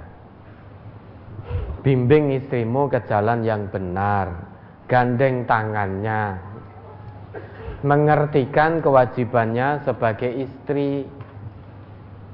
Ya, karena dalam Islam ini seorang istri ataupun suami kalau sudah menikah masing-masing punya kewajibannya sendiri-sendiri. Kalau tidak melaksanakan kewajibannya akan ditanya oleh Allah nanti, dimintai pertanggungjawaban oleh Allah. Istri itu sebaik-baik istri menurut Nabi khairun nisa'i man tasurru ida nadoro. Jika dilihat suaminya itu menyenangkan ya? Dilihat suaminya, suaminya sah loh ya, bukan suami orang lain. Dilihat suaminya itu menyenangkan. Kalau di rumah ya dandan, ya pakai parfum, minyak wangi. Sehingga dilihat suaminya menyenangkan. Jangan terbalik. Kalau mau pergi dandan, dandan menor milih gin, apa bengese saja dicocoki dengan warna bajunya ini lipstiknya bagusnya warna pink atau hijau atau merah atau hitam ya. terus parfumnya pakai yang mana lu mau ke mana sampai suaminya itu kalau melihat istrinya pakai baju sing rada apik pupuran ngono mesti tanya mau ke mana gitu. karena di rumah tidak pernah gitu. Kalau di rumah sudah kelumbrak-kelumbruk kayak kemul. Pakai daster wes dasternya sobek-sobek. Tali dasternya sudah putus dipini teni hmm, pakai koyok sininya. Dengan Makanya suaminya wis serahnya nengke blas melihat istri. Kalau di rumah ketika dinasihati dik, mbak di rumah itu dandan Ya ketika kamu mau pergi itu pakai baju yang bagus, pakai wangi-wangian, pakai bedak, kalau perlu pakai lipstick. Nek kerso ngeten, nek mboten kerso, nggih sampun, ya wis nek nuku tak nambah ya, nggih ampun. Terus piye gitu. Makanya kemarin itu ya, kemarin itu penelitian yang dilakukan oleh Bu Rektor Taskia itu. Kemarin kebetulan beliau rawuh ke pondok. Profesor Dr. Murniati Mukhlisin itu. Melakukan penelitian ketika pandemi. WFH work from home itu penjualan minyak wangi. Kemudian kosmetik itu turun drastis omsetnya turun drastis. Kenapa? Karena kaum Hawa kerja dari rumah dora gelem dandan. Do nggak pakai minyak wangi karena kerja dari rumah. Maka ya ada betulnya. Ketika sudah work from office, pening, penjualan kosmetik minyak wangi untuk perempuan meningkat tajam lagi. Karena pada sibuk cari minyak wangi, cari kosmetik untuk dandan biar dilihat oleh orang di kantornya, laki-laki di kantornya. Kemudian laki-laki di tempat kerjanya, kan begitu. Nanti kalau sudah sampai di rumah, ya, kembali ke asal, kembali ke habitatnya. Padahal kata Nabi, sebaik-baik istri itu jika dipandang suami menyenangkan. Watutiu ida amaro dan mentaati suami jika diperintah selama. Selama lo ya ini bapak-bapak ya. Selama perintahnya tidak bermaksiat. Tidak mengajak atau tidak menyimpang dari Quran maupun sunnah. Maka ditaati. Wala tukhalifuhu fi nafsiha wa maliha. Dan tidak menyelisih suami karena istri mengandalkan dirinya dan hartanya. Karena mungkin istri bekerja punya penghasilan lebih besar dari suami.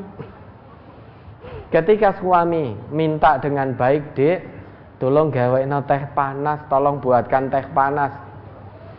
Karena istri merasa bisa bekerja punya ekonomi lebih banyak daripada suami selak ke susu berangkat kerja juga mungkin atau selak COD-nan makan jawab lain jenengan kan nggih gadah tangan toh. Jenengan kan gadah tangan gadah kaki kagungan tangan kagungan kaki.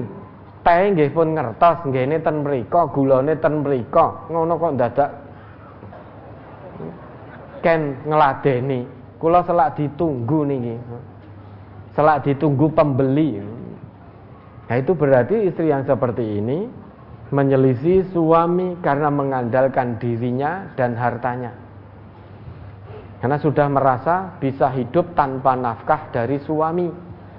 Bisa hidup tanpa nafkah dari suami karena merasa punya penghasilan lebih besar daripada suami ini yang tidak baik. Apakah itu para istri yang ada di sini? Insya Allah tidak. Itu yang di luar sana loh, di luar sana jauh sana.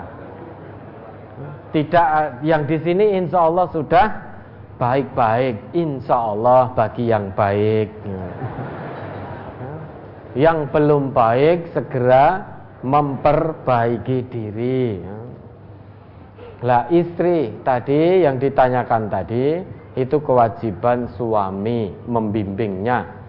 Ibu sebagai mertua tidak perlu ikut campur. Karena itu kewajiban suami. Kalau nanti ibu ikut campur, tidak akan menyelesaikan masalah, malah akan menambah rumit permasalahan. Sehingga menantunya benci dengan ibu mertuanya, begitu pula sebaliknya mereka berdua sudah siap menikah, maka siap menghadapi problematika rumah tangga. dan juga siap menyelesaikan dengan cara-cara yang diatur dalam agama. Kalau anak sudah menikah punya masalah keluarga, orang tua tinggal mendoakan anak ini sudah menikah berarti sudah siap menghadapi problem rumah tangga dan juga sudah siap menyelesaikannya dengan cara-cara Islam. Bukan lari dari permasalahan. Wong sudah siap menikah punya masalah rumah tangga kok malah lari. Ya tidak perlu ikut campur. Doakan saja mudah-mudahan keluarganya menjadi sakinah mawadah warohmah. Ya ada lagi? Jika dalam keluarga besar kita ada yang hamil di luar nikah, apa yang harus dilakukan? Karena sebagian besar keluarga belum mengaji. Dan bagaimana tindakan kita sebagai yang sudah mengaji jika diminta pendapat oleh keluarga tentang yang hamil di luar nikah tersebut, Ustaz? Halo panjenengan ngaji di MTA, tidak usah ngurusi perempuan yang hamil di luar nikah biar diurusi oleh keluarganya sendiri. Kalau dimintai pendapat ya tidak usah memberi pendapat. Ya, harusnya nikah dulu baru hamil. Ini kok hamil dulu baru nikah. Kan terbolak-balik. Kalau dimintai pendapat sudah tidak perlu mem, tidak perlu urun rembuk. Ya sudah, pun monggo menurut jenengan pripun sudah monggo. Kita tidak usah ngurusi perempuan yang hamil di luar nikah. Ya, ada lagi. Saya mau bertanya, apakah dalam memantapkan untuk menikah cukup dengan istikharah tanpa mengetahui calon calon pasangan lebih dalam, Ustaz? Ya, penting diketahui dalam arti bukan pacaran ya. Perlu kita tahu namanya siapa. Calon suami atau calon istri jangan-jangan tidak punya nama. Hmm. Namanya siapa itu penting diketahui. Kemudian rumahnya mana, sholat apa tidak. Kalau sholat lima waktu, apa sepekan sekali itu perlu diketahui. Pekerjaannya apa, sudah bekerja atau belum, sudah punya suami, punya istri atau belum. Jangan-jangan nanti sudah, jangan-jangan mencari istri, jangan-jangan kita tidak tahu perempuannya sudah punya suami. Maka penting itu untuk diketahui. Dalam arti bukan berpacaran, bukan ta'aruf ya, bisa ditanyakan.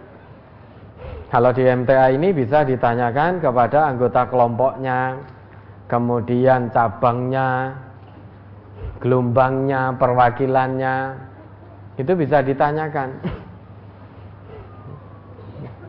Kalau memang sudah siap betul kirim data, kemudian dipertemukan, dita'arufkan. Kalau ada kecocokan, maka bisa dilanjutkan laki-laki melamar kepada perempuannya tadi. Kemudian ditentukan hari, tanggalnya, cocok sudah lakukan. Walimatul auras ijab kabul di situ dengan dipenuhi syarat-syarat rukun dan syarat pernikahan sah. Menurut Islam ada calon pengantinnya laki-laki dan perempuan. Satu akidah, kemudian ada mahar, ada saksi, dua saksi, ada wali, ada ijab kabul. Lah, setelah melihat itu semua, misalkan tadi data-data dan dita'arufkan, kemudian istikharah. Oh ternyata sholatnya baik, ininya baik, tapi pekerjaannya belum mapan. Yang satu misalkan, oh ini belum sholat, pekerjaannya mapan, dia kaya, lah pilih mana? Kalau itu ndak usah diistikharoi. Ya. Kalau satu sholatnya tertib, taatnya pada Allah, tidak perlu diragukan lagi, meski pekerjaannya Kadang ada, kadang tidak. Yang satu kaya tapi tidak sholat itu tidak perlu diistikharoi. Ya sudah, pasti ikuti saja aturan Allah dan Rasul. Pilih yang sholatnya tertib tadi. Yang satu Islam taat ning rapate sugih sing iki sugih ning kafir tidak iman pada Allah. Saya istikharah dulu. Kalau itu tidak perlu diistikharoi karena sudah beda akidah. Tentu kita milih yang satu akidah. Ya, ada lagi. Bagaimana cara mengatasi pelampiasan sahwat ketika sedang jauh dari istri karena merantau? Sedangkan istri tidak bisa ikut karena sedang punya anak umur 2 tahun dan anak tunggal. Sedangkan di rumah tinggal ibu mertua Ini betul, ingin mendapatkan nasihat caranya bagaimana. Kalau menurut Nabi, alaika bis saum. Ya, fa innahu lahu wija maka puasalah tahan diri puasa di sini bisa bermakna dua. Puasa dalam arti kita melakukan puasa sunnah. Sebagaimana kita puasa di bulan Ramadan kemarin. Atau puasa kita menahan. Menahan keinginan. Menahan gejolak sahwat. Karena as-saum maknahu al-imsak Puasa itu artinya al-imsak. Imsak itu menahan. Jadi bisa dua. Bisa dengan puasa. Maka orang berpuasa itu puasa sebagaimana Ramadan itu selain menahan dari makan dan minum al-imsaku anil akli wasyurbi wa khasyayanin nisa'i dan juga menahan dari berhubungan suami istri. Dari sejak terbit fajar sampai maghrib atau dalam hadis lain bahwa puasa itu perisai. Asaumu junnah. Puasa itu perisai. Perisai dari menahan dari godaan hawa nafsu. Maka ditahan. Kalau tetap makan dan minum. Kok nafsunya naik? Maka bisa puasa dengan tidak makan dan minum juga karena tidak tahu wallahu a'lam ini urusan medis. Konon kabarnya kalau makan sesuatu bisa menaikkan libido atau bagaimana saya kurang tahu. Maka dengan puasa menahan makan minum dan sahwatnya. Atau dengan cara kedua yaitu menahan betul ditahan gejolak sahwatnya. Jangan diperturutkan. Bagaimana caranya? Mencari lingkungan yang baik berteman dengan teman-teman yang baik melakukan aktivitas-aktivitas positif. Wasbir nafsaka ma'al ladina yad'una rabbahum bil ghadati wal yuriduna wajhah Coba diingat itu Al-Kahfi ayat 28. Surat Al-Kahfi surat ke-18 ayat 28. Wasbir nafsaka ma'al ladzina yad'una rabbahum bil ghadati wal 'ashiyyi yuriduna wajhah wa la ta'du 'aynaka 'anhum turidu zinatal hayatid dunya ولا تطع من أغفلنا قلبه عن ذكرنا واتبع هواه وكان أمره فرطا Dan bersabarlah kamu bersama-sama dengan orang-orang yang menyeru Tuhannya di pagi dan senja hari dengan mengharap keridoannya. Dan janganlah kedua matamu berpaling dari mereka karena mengharapkan perhiasan kehidupan dunia ini dan janganlah kamu mengikuti orang yang hatinya telah kami lalaikan dari mengingat kami serta menuruti hawa nafsunya dan adalah keadaannya itu melewati batas. Ya toh, wasbir nafsaka. Bersabarlah dirimu ma'alladina yad'una rabbahum bil ghadati wal 'ashiyyi yuriduna wajhah bersama orang-orang yang aktivitasnya kegiatannya dari bangun tidur sampai tidur lagi itu kegiatannya hanya untuk mengingat Allah. Aktivitasnya semuanya diperuntukkan untuk mengingat Allah. Artinya orang-orang ini orang-orang yang soleh. Cari lingkungan kerja, lingkungan kerja yang baik.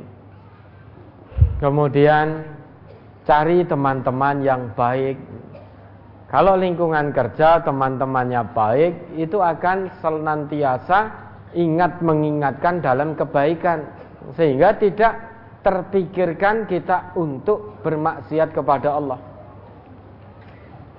Bagaimana mau bermaksiat diingatkan oleh teman kita. Teman kita juga mau maksiat kita tahu kita ingatkan. Maka sabar di situ. Cari lingkungan, cari rekan namun ingat tidak mudah untuk bersabar istiqomah dalam lingkungan yang baik itu tidak mudah. Karena jalan ke surga itu khujibatil jannah bil makarih. Dipenuhi dengan hal-hal yang membosankan. Wah, bosan aku mosok nginang ini terus. Hawa nafsu itu pengen yang hmm, hal-hal yang menyenangkan. Jalan ke neraka dipenuhi dengan hal-hal yang menyenangkan, cocok dengan hawa nafsu. Sedang merantau, kemudian hawa nafsunya naik, setan bisi wis lampiaskan saja. Sana beli. Akhirnya dituruti kata hawa nafsu. Dan itu menyenangkan, menyenangkan. Kalau kita menahan untuk tidak menuruti hawa nafsu itu terasa membosankan. Namun itu menyelamatkan dunia menyelamatkan akhirat. Tinggal dipilih.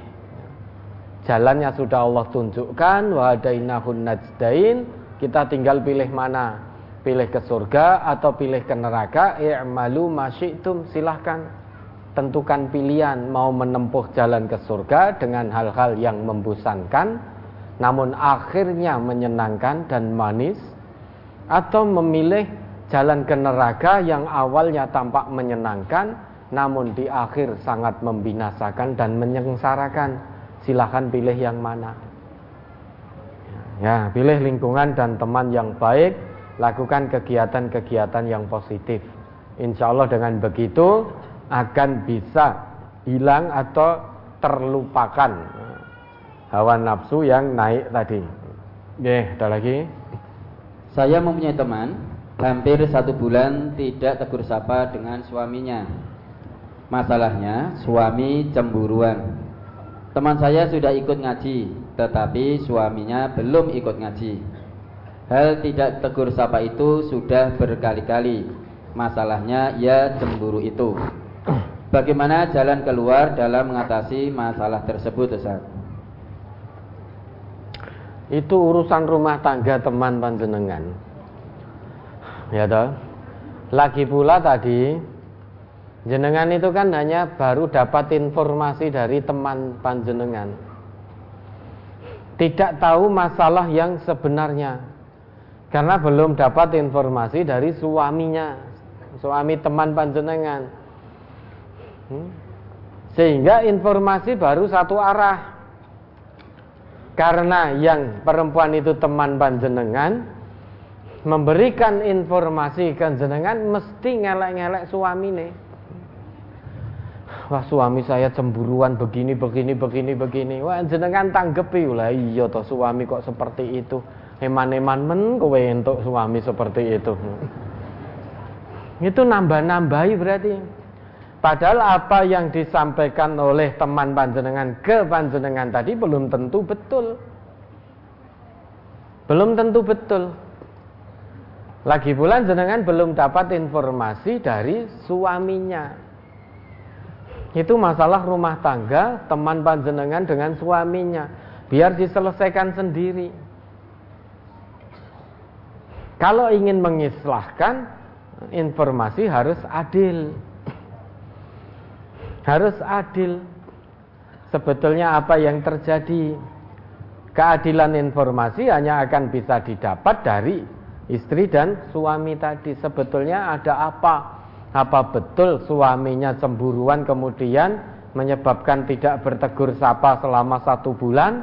Atau jangan-jangan istrinya yang mendiamkan suaminya karena istrinya jaluk mobil suaminya randuwe kemudian istrinya marah kan kita tidak tahu. Apa yang disampaikan teman panjenengan tadi tidak mungkin aib teman panjenengan disampaikan ke jenengan. Sakjane sing salah saya. Karena saya minta perhiasan suami saya tidak punya.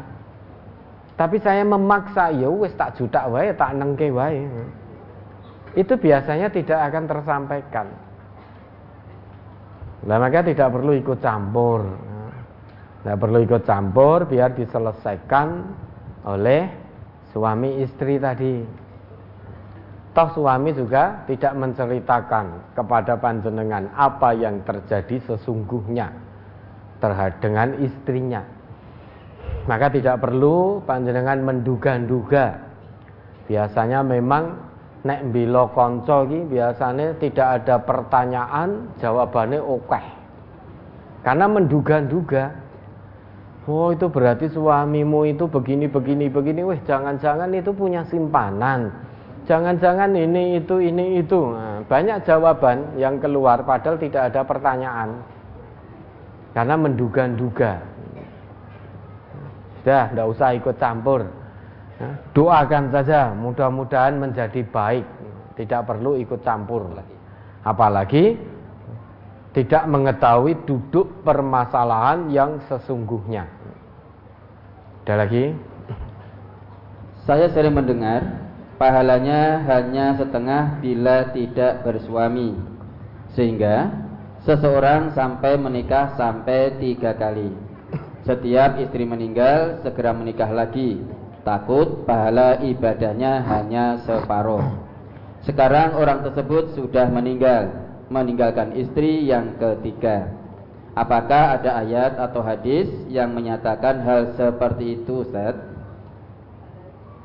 Maksud hadis apabila seorang hamba menikah telah menyempar, menyempurnakan separuh agamanya bukan seperti itu Ya, bukan kok orang nek belum menikah pahalanya mung separuh, bukan.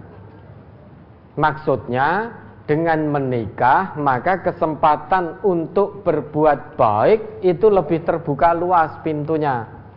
Bisa berbuat baik pada keluarga dan anak-anaknya. Suami melakukan kewajibannya, istri melakukan kewajibannya, Orang tua yaitu suami istri tadi kalau dititipi momongan melakukan kewajibannya, maka itu kebaikan demi kebaikan akan diperoleh. Memang ada hadis yang menyebutkan idza tazawwajal 'abdu apabila seorang hamba itu telah menikah faqad kammala nisfaddin sungguh dia telah menyempurnakan separuh dari agamanya. Falyattaqillaha fin nisfil bagi kemudian hendaknya bertawakal kepada Allah di separuh sisanya maksud hadis itu bukan orang kalau belum menikah lantas pahalanya hanya separuh bukan begitu maksudnya orang itu kalau sudah menikah maka akan semakin terbuka luas untuk meraih ridho Allah melalui kebaikan-kebaikan, kebajikan-kebajikan yang dilakukan. Ya tadi disebutkan suami menyayangi istri, melakukan kewajibannya sebagai suami, membimbing istri dan anak-anaknya ke jalan yang benar, menafkahi istri dan anak-anaknya, ya memberi nafkah lahir batin. Istri juga begitu melaksanakan kewajibannya ya, menjaga kehormatan dirinya ketika suami tidak ada di rumah ketika dilihat suami menyenangkan tidak berlaku nusus kepada suami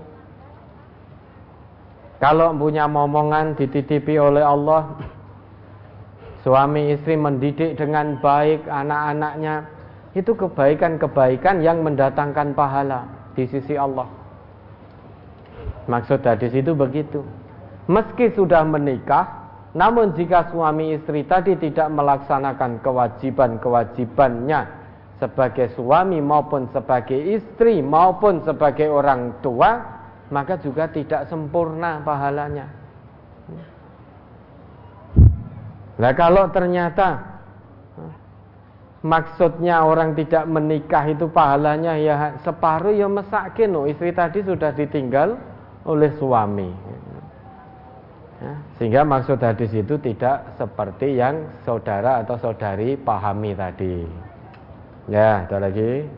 Ya, untuk pertanyaan tertulis cukup dulu Set kita masuk ke pertanyaan langsung Set ya, Bapak dan Ibu terutama di lantai dua dulu yang menghendaki untuk bertanya silahkan pegang micnya. Ini dari bapak dulu ya bapak dulu ya. 15. bapak dulu nanti kemudian dari ibu. Mic nomor ya, 7 15 dan 57 ya. Nomor 7 oh 7 baik. Nomor 7 7 nomor 15 dulu silahkan bapak untuk berdiri ya yeah, maka Bismillahirrahmanirrahim Assalamualaikum warahmatullahi wabarakatuh. Waalaikumsalam warahmatullahi wabarakatuh. Sugeng Rawuh Ustaz dari Sarulangun Jambi. Nggih, Sugeng Rawuh. Lah kok saya yang di Sugeng Rawuh kan? Ya. Nggih. Wah. Nggih, Sugeng Rawuh dari Jambi ya. Nggih. Kapan rawuh? Sudah lama di sini? Pun seminggu Pak, tapi teng Ponorogo. Oh, di Ponorogo. Ya, alhamdulillah. Solo saking dari satu. Terus datang ke tempat ini sejak kapan? Ke kemarin, majelis kemarin. Ya, alhamdulillah. Nggih, sugeng rawuh. Ya, mangga mangga. Diperkenalkan nama dulu, Bapak. Asmi kula Darmawi, Pak. Dar? Darmawi. Darmawi, nggih. Ngaji teng uh, asal binaan Sarolangun ngaji tentang perwakilan Merangin. Nggih. Pertama-tama Pak, nyampaikan titipan salam saking ketua dan pengurus e, perwakilan dan binaan Sarulangun. Ya, alaik. Al Ustad dan seluruh peserta pengajian ya. hari ini. Alaika waalaikumsalam warahmatullahi wabarakatuh. Salam saya buat beliau-beliau nanti ya. Insyaallah. Uh, itu yang pertama yang kedua ada pertanyaan saya ini sebenarnya ya sudah sama kita pahami tapi karena saya ke sini bersama keluarga Ustaz pertama orang tua saya sendiri dan eh, keluarga dari istri ibu mertua dan adik ipar ikut juga ya dan mudah-mudahan nanti mohon doanya untuk ibu mertua saya dan uh, ada ipar dengan ikut kajian di sini nanti bisa bergabung mengaji di yayasan kita MTA. Ya, insya Allah. Ya. Pertanyaannya Ustadz, uh, mungkin sudah umum di, ditanyakan, sudah biasa tentang pelaksanaan uh, rukun Islam kita, yaitu di antaranya puasa dan sholat. Ini ada uh, di antara saudara saya pribadi, khususnya Ramadan kemarin Ustadz puasa itu ya dilaksanakan puasa tapi sholatnya kadang ditinggalkan nah itu nanti mohon tausiahnya Ustadz apa nanti uh, hukumnya tentu dan akibat-akibatnya seperti itu Ustaz. Terus yang kedua Ustaz berkaitan dengan brosur tadi sebenarnya. Iya. Di halaman uh, eh, 8 kalau nggak salah. Situ disebutkan uh, di akhir zaman nanti uh,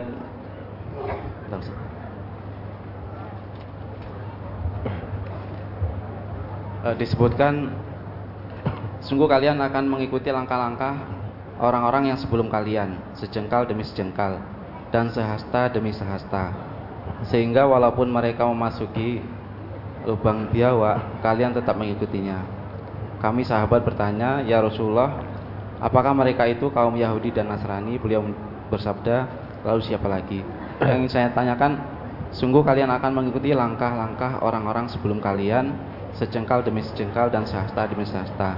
Di situ disebutkan oleh Rasulullah Yahudi dan Nasrani. Apakah golongan Islam ini yang namanya KTP-nya Islam gitu kan, tapi mengikuti kegiatan-kegiatan ataupun eh, ritual-ritual yang tidak sesuai dengan tuntunan Islam, apa apakah itu tergolong kaum Yahudi dan Nasrani? Mungkin demikian Ustaz.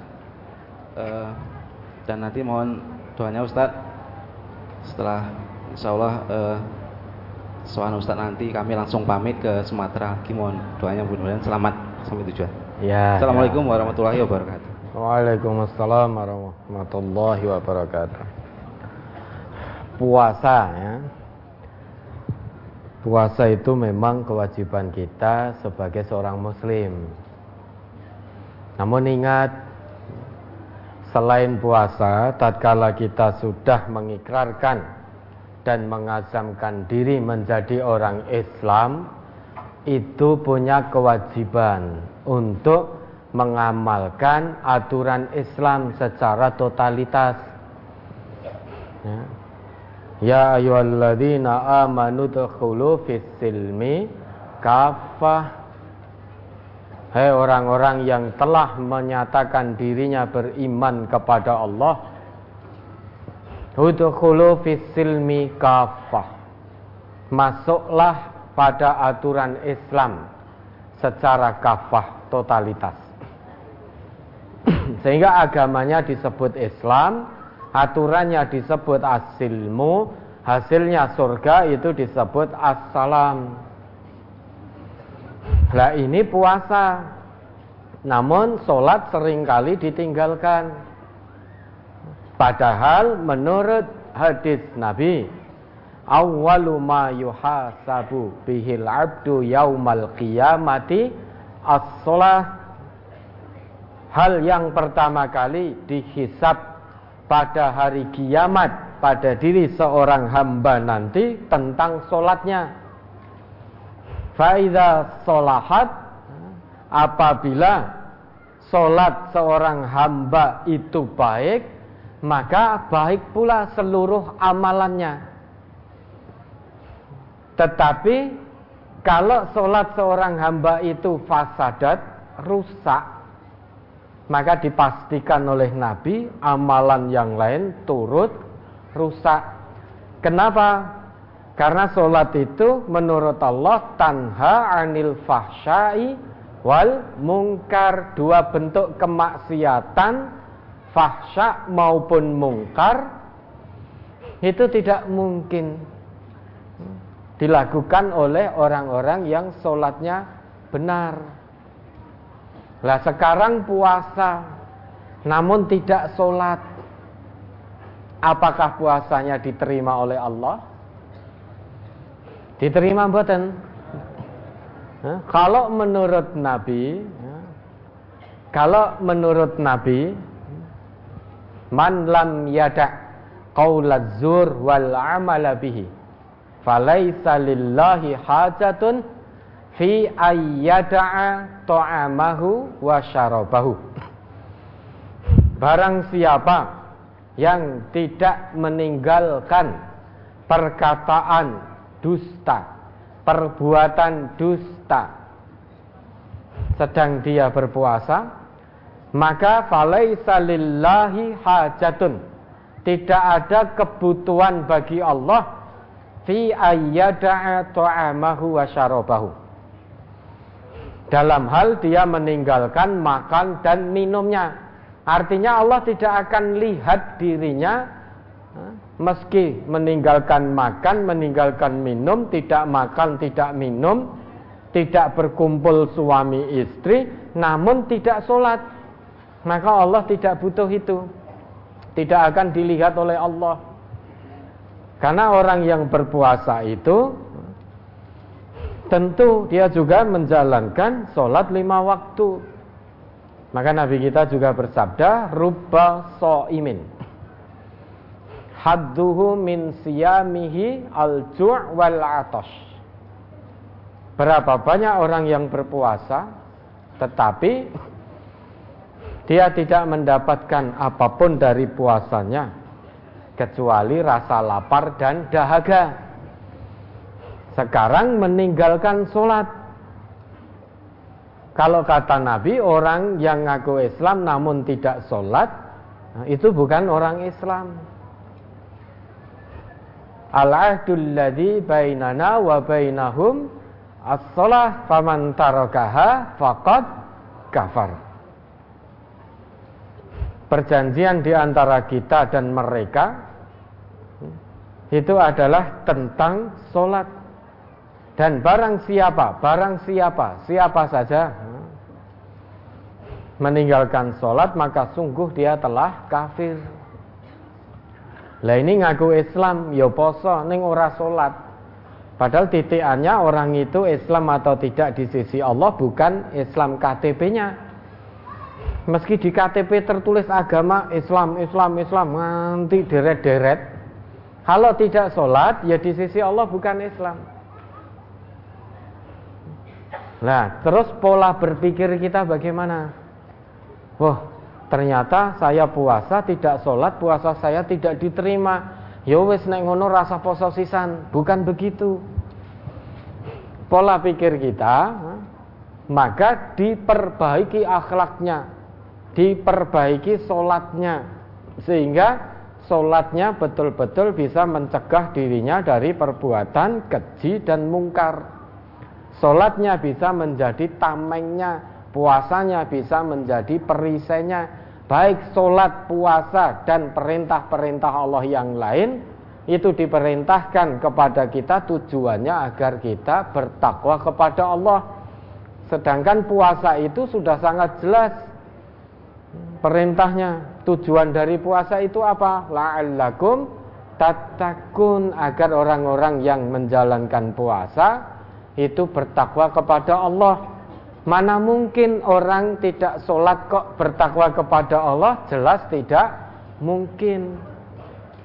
Maka sekalipun berpuasa namun tidak sholat, tujuan dari puasa mustahil bisa tercapai. Karena orang bertakwa pasti sholat, tidak mungkin tidak sholat kok bisa bertakwa itu mustahil. Laisa bi amaniyikum wala amaniyi ahlil Kitab coba diingat itu Quran surat Al-Isra eh An-Nisa ayat 123 124. Pahala itu bukan menurut kita. Bukan pula menurut ahli kitab. Namun pahala itu menurut Allah may ya'mal su'ay wala yajid lahu min.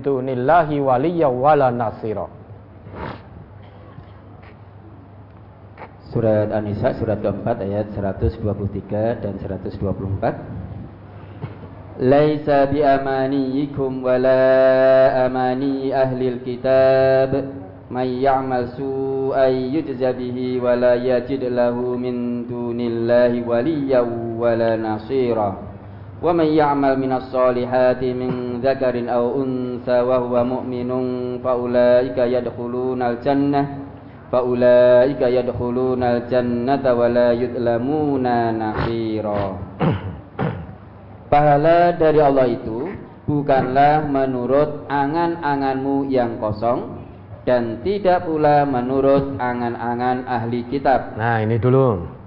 Nah, mungkin kita berangan-angan. Saya puasa karena Ramadan saya berpuasa saya akan dapat pahala meski saya tidak sholat. Mungkin angan-angan kita begitu. Padahal kata Allah, pahala itu bukan menurut angan-anganmu, tapi menurut Allah. Eh, lanjut. Barang siapa yang mengerjakan kejahatan, niscaya akan diberi pembalasan dengan kejahatan itu, dan ia tidak mendapat pelindung dan tidak pula penolong baginya selain Allah. Nah, orang yang meninggalkan ngaku Islam kok tidak sholat, berarti dia melakukan satu kemungkaran, satu kejahatan. Dan pasti dia akan mendapatkan balasan dari kejahatan yang dilakukan. Dan saat dia mendapatkan itu, maka tidak punya pelindung selain Allah. Dan juga tidak punya penolong.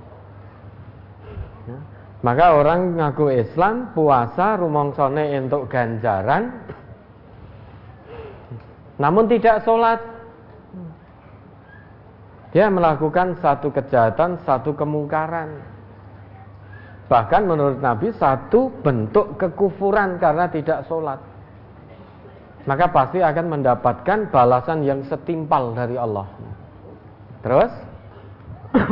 Barang siapa yang mengerjakan amal-amal soleh Baik ia laki-laki maupun wanita Sedangkan ia orang yang beriman Maka mereka itu masuk ke dalam surga Dan mereka tidak dianiaya walau sedikit pun. Wa may ya'mal minas solihati min dzakarin aw unsa wa huwa mu'min. Faulaika yadkhulunal jannah wala yudlamuna nakira. Kata Allah begitu. Barang siapa yang mengerjakan kebajikan baik laki maupun perempuan dengan syarat dia beriman ya untuk melakukan perbuatan baik itu syaratnya ada iman. Meski perbuatan itu baik namun kalau tidak dilandasi iman kepada Allah di sisi Allah juga tidak disebut kebaikan.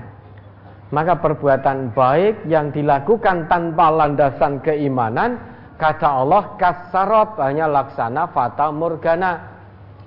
Rumangsane berbuat baik mendapatkan pahala seperti fata morgana dari jauh tampak ada air, begitu didekati ternyata tidak ada air. Di dunia merasa melakukan perbuatan baik merasa dapat pahala, bisa masuk surga sampai di hadapan Allah sia-sia diseret masuk ke neraka. Ya, maka orang berbuat baik syaratnya harus dengan landasan keimanan kepada Allah. Puasa itu perbuatan soleh atau bukan? Perbuatan baik orang beriman itu sholat atau tidak? Sholat. Maka ini dua hal yang tidak bisa dipisahkan. Orang puasa kok tidak sholat? Nah, maka keimanannya bisa jadi kazib di hadapan Allah. Orang sholat kok tidak puasa Ramadan tanpa sebab yang dibenarkan, maka keimanannya juga bisa jadi kazib sehingga menjalankan ayat hanya separuh-separuh, setengah-setengah. Kalau menjalankan ayat hanya setengah-setengah, tidak akan selamat kata Allah di dunia sengsara, hina, di akhirat yuraduna ila asyadil azab.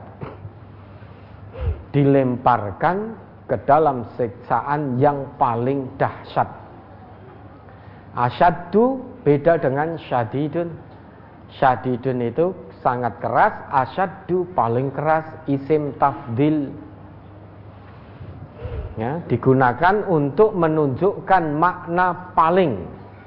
Kalau orang kafir dan kafir tenan kepada Allah, dapatnya ada pun syadid, siksaan yang sangat dahsyat. Namun jika orang munafik pilih-pilih ayat separuh-separuh, pilih sholat tok ra gelem posone ra gelem zakate.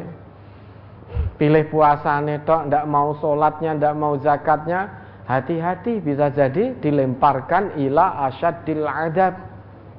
Siksaan yang paling keras tidak ada siksaan yang lebih keras daripada siksaan yang akan diterima oleh orang-orang munafik. Maka diperbaiki tingkatkan mumpung nyawa belum berada di kerongkongan. Ya. Tobat pada Allah. Mudah-mudahan Allah mengampuni. Kemudian yang kedua, orang Islam tapi mengikuti tuntunan. Ya.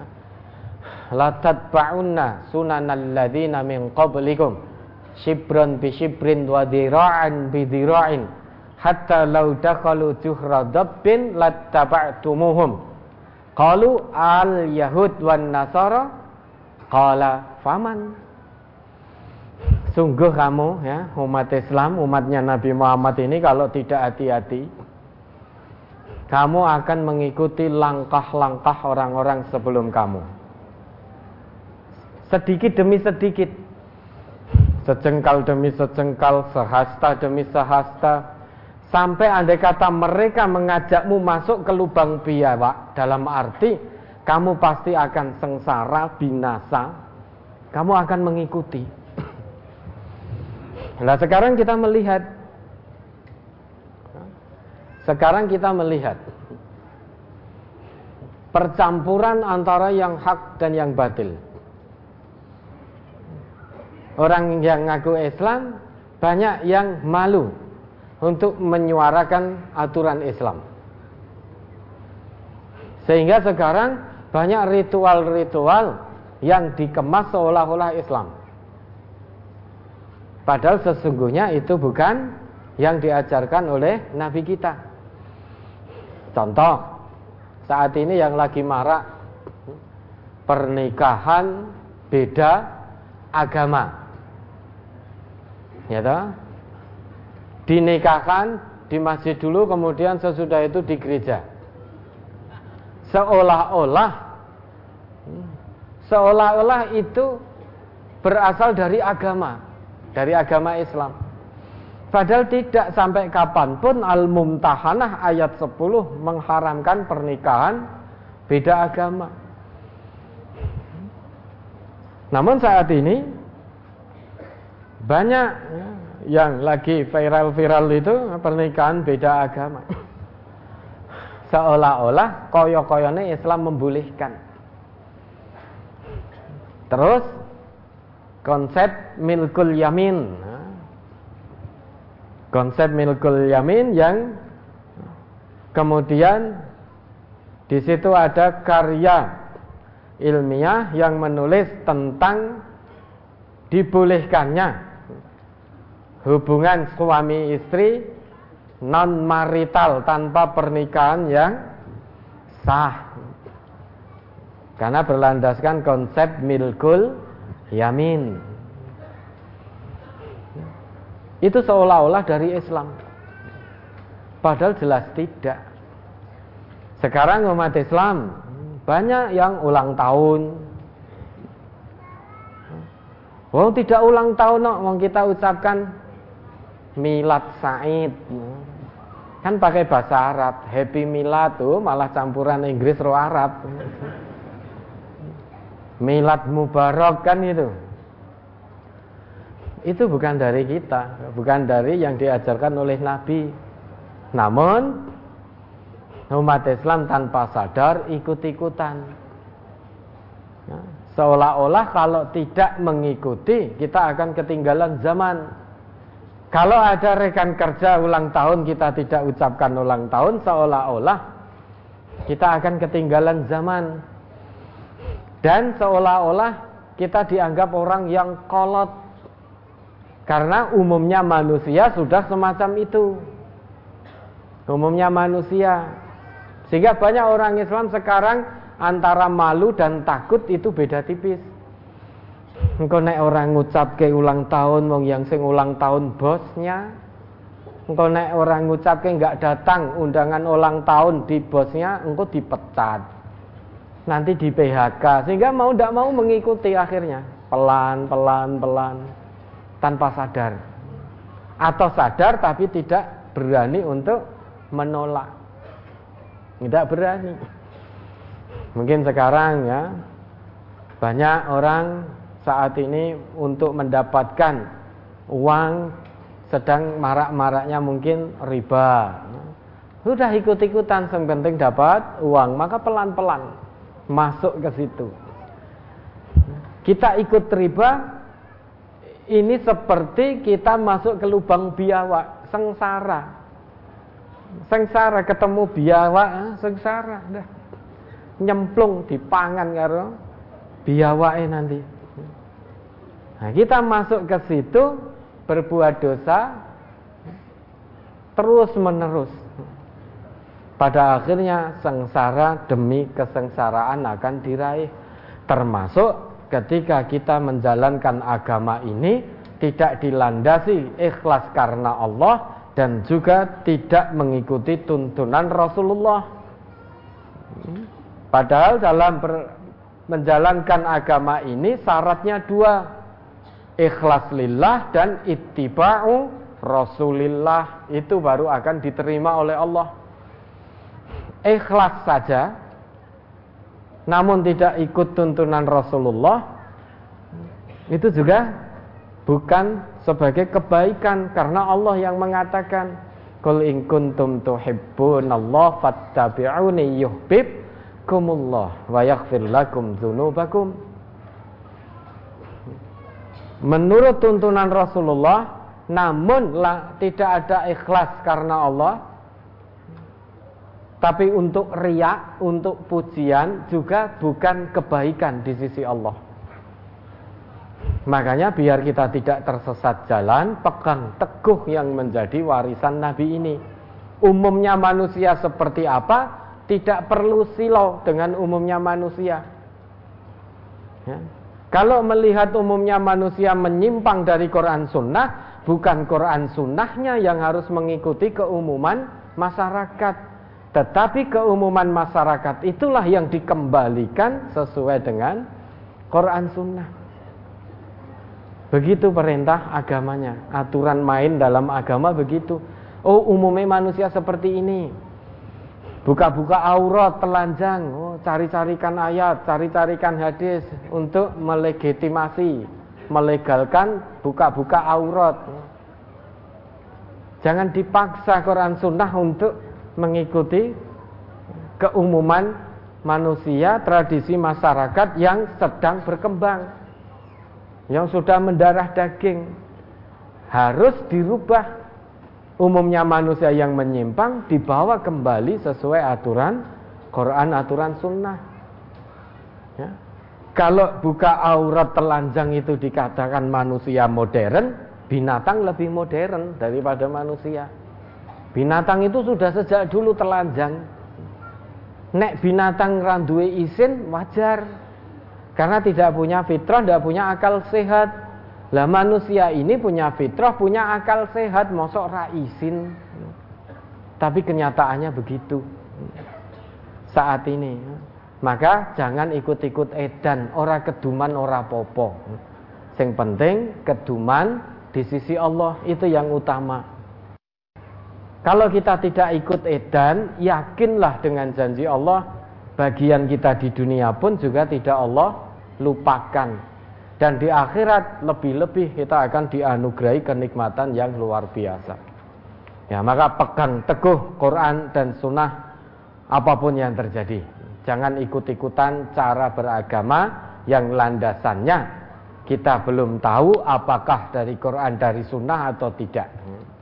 Sehingga tidak ikut-ikutan langkah-langkah orang-orang sebelum kita, sebelum umat Nabi yaitu Yahudi dan Nasrani menyesatkan koyone apik tapi ternyata menyengsarakan. Ya. Setelah ini ya mudah-mudahan Allah berikan keselamatan kemudahan ya, di perjalanan sampai Jambi di mana pun berada selama dalam petunjuk Allah dan Rasulnya, yakinlah Allah akan turunkan perlindungan, rahmat dan ridhonya. Oke, ada lagi? Baik dari Ibu mik nomor 7 Ini penanya terakhir. Mohon menanyakan yang singkat Ibu ya. Itu terakhir loh ya dari Ustadz Marjono terakhir. Terima kasih Yang terhormat Al Ustadz Bapak Ibu saudara-saudari yang saya hormati pula. Assalamualaikum warahmatullahi wabarakatuh. Waalaikumsalam warahmatullahi wabarakatuh Mohon maaf atas waktu yang saya minta dan terima kasih atas waktu yang diperkenankan. Izinkanlah saya memperkenankan diri. Nama saya Milah Sukidi dari Bendosari 3 akan ada satu pertanyaan yang akan saya sampaikan. Mohon pencerahan kepada Bapak Al Ustadz yaitu tentang seperti yang tadi telah diutarakan oleh saudari di depan tentang puasa sunnah.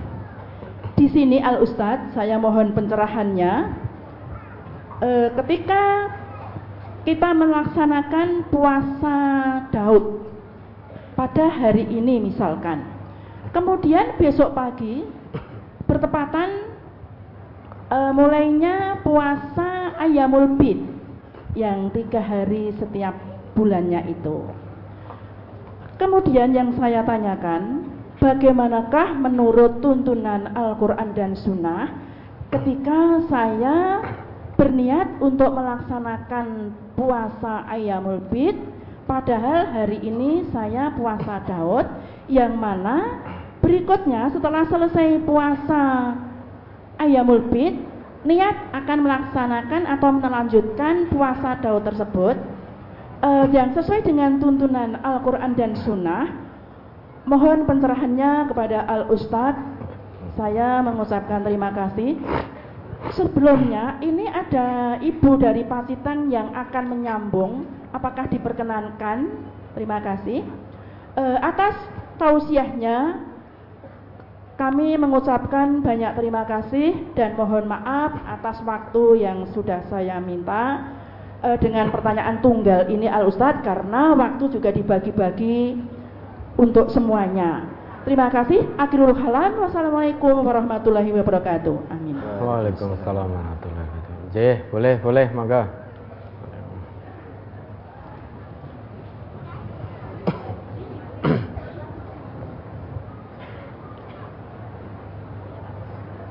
Monggo Ibu dipercepat Ibu.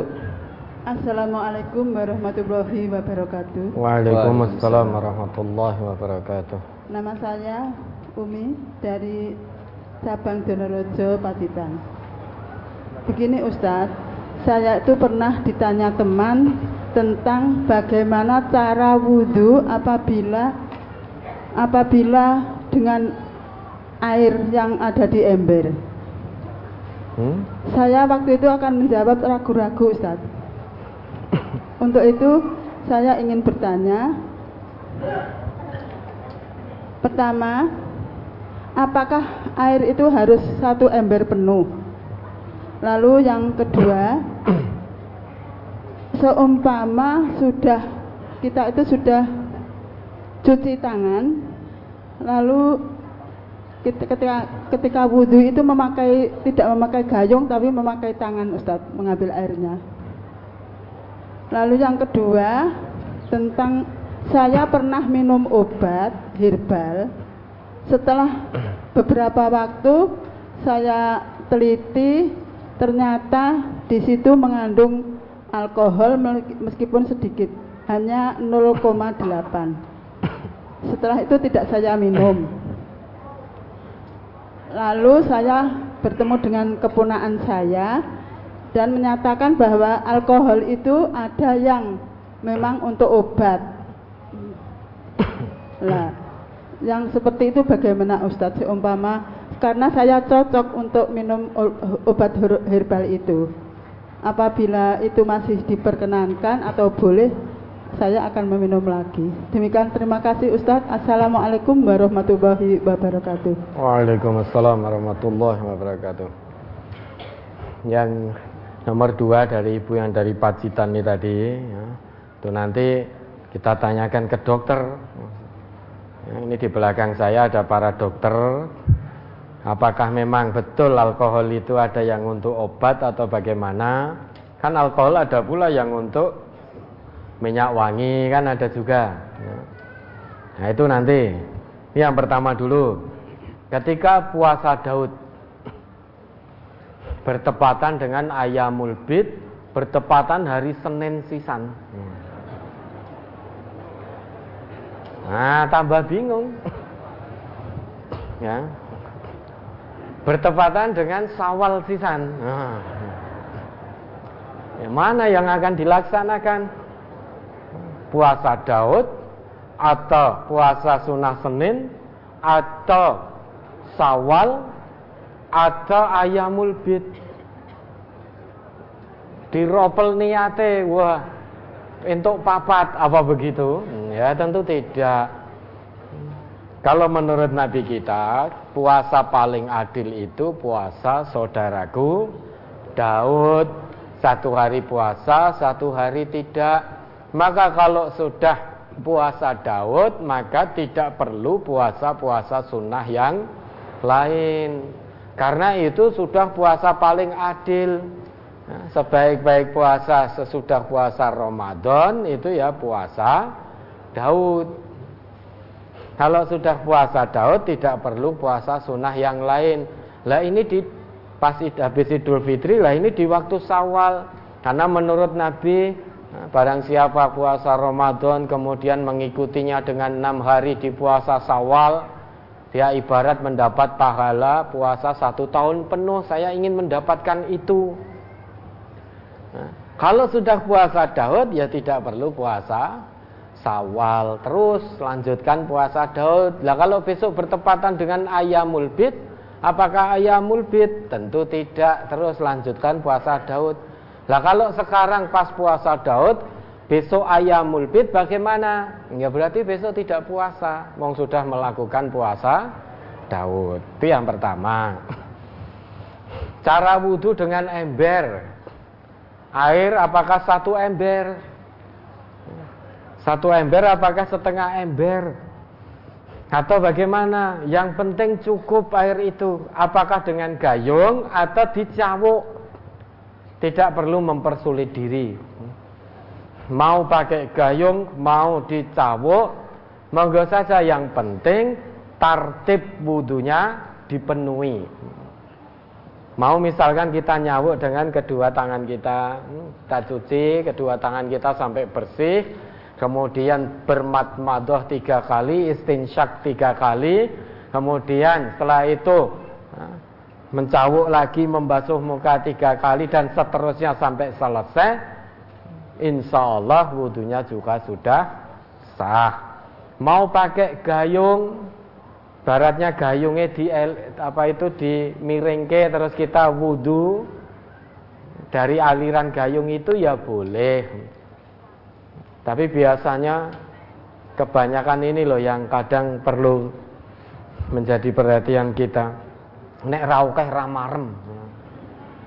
Jadi wudhu itu sak gayung, kemu sak gayung, anu sak gayung, anu sak gayung.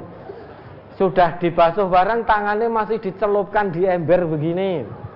Ya tahu masih dicelupkan terus gitu. Ya. Nah, maka agama ini jangan marem-mareman menurut kita. Menurut Nabi bagaimana? Kalau memang wudhu tartibnya itu sudah dipenuhi dengan baik, mau nyawuk, mau pakai gayung, mau pakai kran, monggo. Nah, itu hanya media saja. Yang penting syarat-syaratnya, tartibnya dipenuhi. Kemudian yang kedua, obat herbal mengandung alkohol walaupun hanya sedikit ini alkohol ini dokter apakah mesti memabukkan? Nah, coba jenengan jawab sini.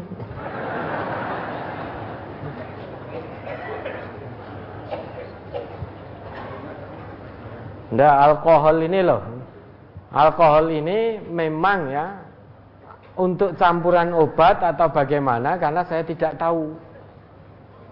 Karena saya tidak tahu fungsi sebenarnya dari alkohol itu apa. Anggur itu, buah itu, itu halal. Tapi kalau diperas menjadi minuman yang memabukkan, meskipun peminumnya mabuk atau tidak, itu ya menjadi haram. Nah ini alkohol. Ini monggo dalam obat. Pipon ini, dokter. Bismillahirrahmanirrahim. Izin menjelaskan uh, sepengetahuan kami dan beberapa diskusi. Bentar, mati ini mic-nya. Cek, cek. Sampun nggih. Nggih, bismillah e, menerangkan keberadaan alkohol di dalam penyediaan obat itu menurut beberapa ahli farmasi dan obat-obatan digunakan sebagai bahan pengawet dan pelarut Ustaz. Nah, ya. untuk alkohol sendiri kan pada dasarnya bukan minuman memang. Jadi itu zat kimia yang digunakan untuk fungsi medis kan kata. Nah kalau alkohol dijadikan minuman itu tentu kesalah apa salah fungsi, salah penggunaan kan kata. Tapi di sini ada manfaat yang hendak dicapai yaitu e, fungsi pelarutan dan fungsi pengawetan obat. Apalagi ini tadi kan obat herbal yang biasanya berasal dari tanaman atau hewan. Ya. ya Ustaz. Ya, ya, sudah paham ya Ibu ya. Jadi alkohol itu fungsi utamanya sebetulnya bukan untuk minuman. Nah, tetapi alkohol itu ya, Kalau itu dijadikan minuman yang memabukkan maka menjadi haram. Tapi kalau untuk melarutkan atau mengawetkan obat, apalagi tadi obat herbal dari tanaman, hmm, maka itu bisa dikonsumsi. Karena alkohol itu fungsi utamanya bukan untuk mabuk. Ya karena sudah terlanjur masuk dalam persepsi kita, minuman keras pasti pakai alkohol. Minuman keras pakai alkohol. Lah, kalau itu memang minuman keras, campuran alkoholnya itu menjadi tidak pas, berarti itu menyalahi fungsinya.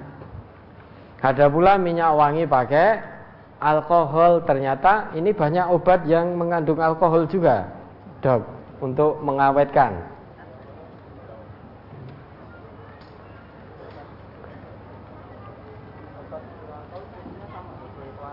Ya, obat yang mengandung alkohol itu untuk melarutkan. Bukan berarti alkohol di situ dijadikan untuk memabukkan, bukan. Ya maka ibu ya, tadi herbal mungkin mungkin untuk mengobati penyakitnya tadi. Kalau memang ada campurannya itu, ya, alkohol itu kan Fungsi utama menurut dokter tadi kan tidak memabukkan. Fungsi utamanya bukan untuk dibuat minuman memabukkan. Karena itu bahan kimia dalam farmasi untuk melarutkan obat. Kalau tidak ini ya tidak bisa larut. Kalau tidak bisa larut maka tidak bisa dicerna oleh tubuh. Sebagaimana yang kami contohkan yang namanya tape itu halal apa tidak? Halal. Neng kemudian diperas dan didiamkan sekian lama kemudian diminum menjadi bahan menjadi minuman memabukkan meski tidak mabuk mungkin mengicipin dilat-dilat tapi tetap yang namanya khomer sesuatu yang dibuat disengaja dibuat menjadi minuman memabukkan maka sedikit atau banyak itu menjadi haram. Di samping itu di samping itu ada kaidah usul fikih ad-daruratu tubihul mahdurat. Keadaan darurat itu membolehkan hal-hal yang dilarang ketika dalam keadaan normal. Ya, makanya seandainya alkohol tadi memang memang fungsinya untuk mabuk, tetapi itu untuk melarutkan obat-obat di dalam farmasi. Sehingga insya Allah alkoholnya pun yang tercampur dalam obat itu kalau memang itu keadaan darurat betul tubihul mahdurat menjadikan hal-hal yang dilarang menjadi boleh. Namun sebaiknya ibu dicari obat yang lain yang tidak mengandung alkohol. Dimaksimalkan dulu. Kalau memang sudah betul-betul tidak ada adanya itu ya diminum sesuai dengan kebutuhannya. Karena ma'ubiha lidzarurati yuqaddaru biqadriha. Apa-apa yang dibolehkan dalam keadaan darurat itu harus sesuai dengan kebutuhannya saja, tidak boleh berlebih-lebihan. Misalkan dalam satu waktu Mungkin kita berada di hutan, tidak ada makanan yang halal selain yang diharamkan. Contohnya, misalkan khinzir, nggak ada yang lain selain khinzir. Kemudian kita lapar sekali. Kalau kita tidak makan, kita akan mati. Dalam posisi itu, itulah posisi darurat, maka tubihul mahdurat. Keadaan darurat membolehkan hal-hal yang terlarang khinzir itu haram kalau dalam keadaan normal. Namun kalau dalam keadaan betul-betul sangat darurat, tidak ada makanan lain selain itu, kalau kita tidak makan itu kita akan mati, maka kita menjadi boleh makan itu dengan syarat yuqaddaru biqadriha. Sesuai dengan kebutuhan, jangan ngerasa oh tiba enak terus begitu.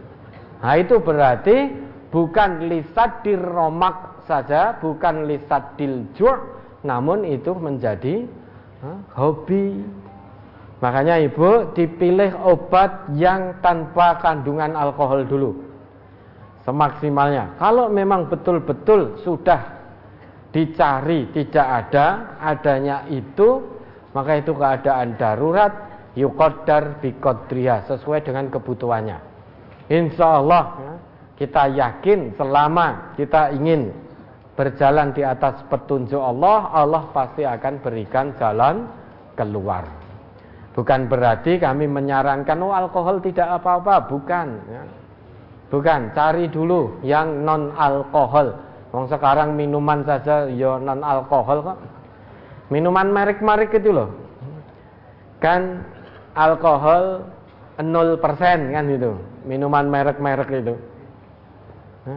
Maka dicari dulu obat yang tanpa kandungan alkohol. Kalau ragu, ya cari obat tanpa kandungan alkohol. Biar jelas kehalalannya. Ngaten nggih, mudah-mudahan bisa dipahami. Ada lagi waktu cukup? Cukup, Ustaz. Sudah melonjak.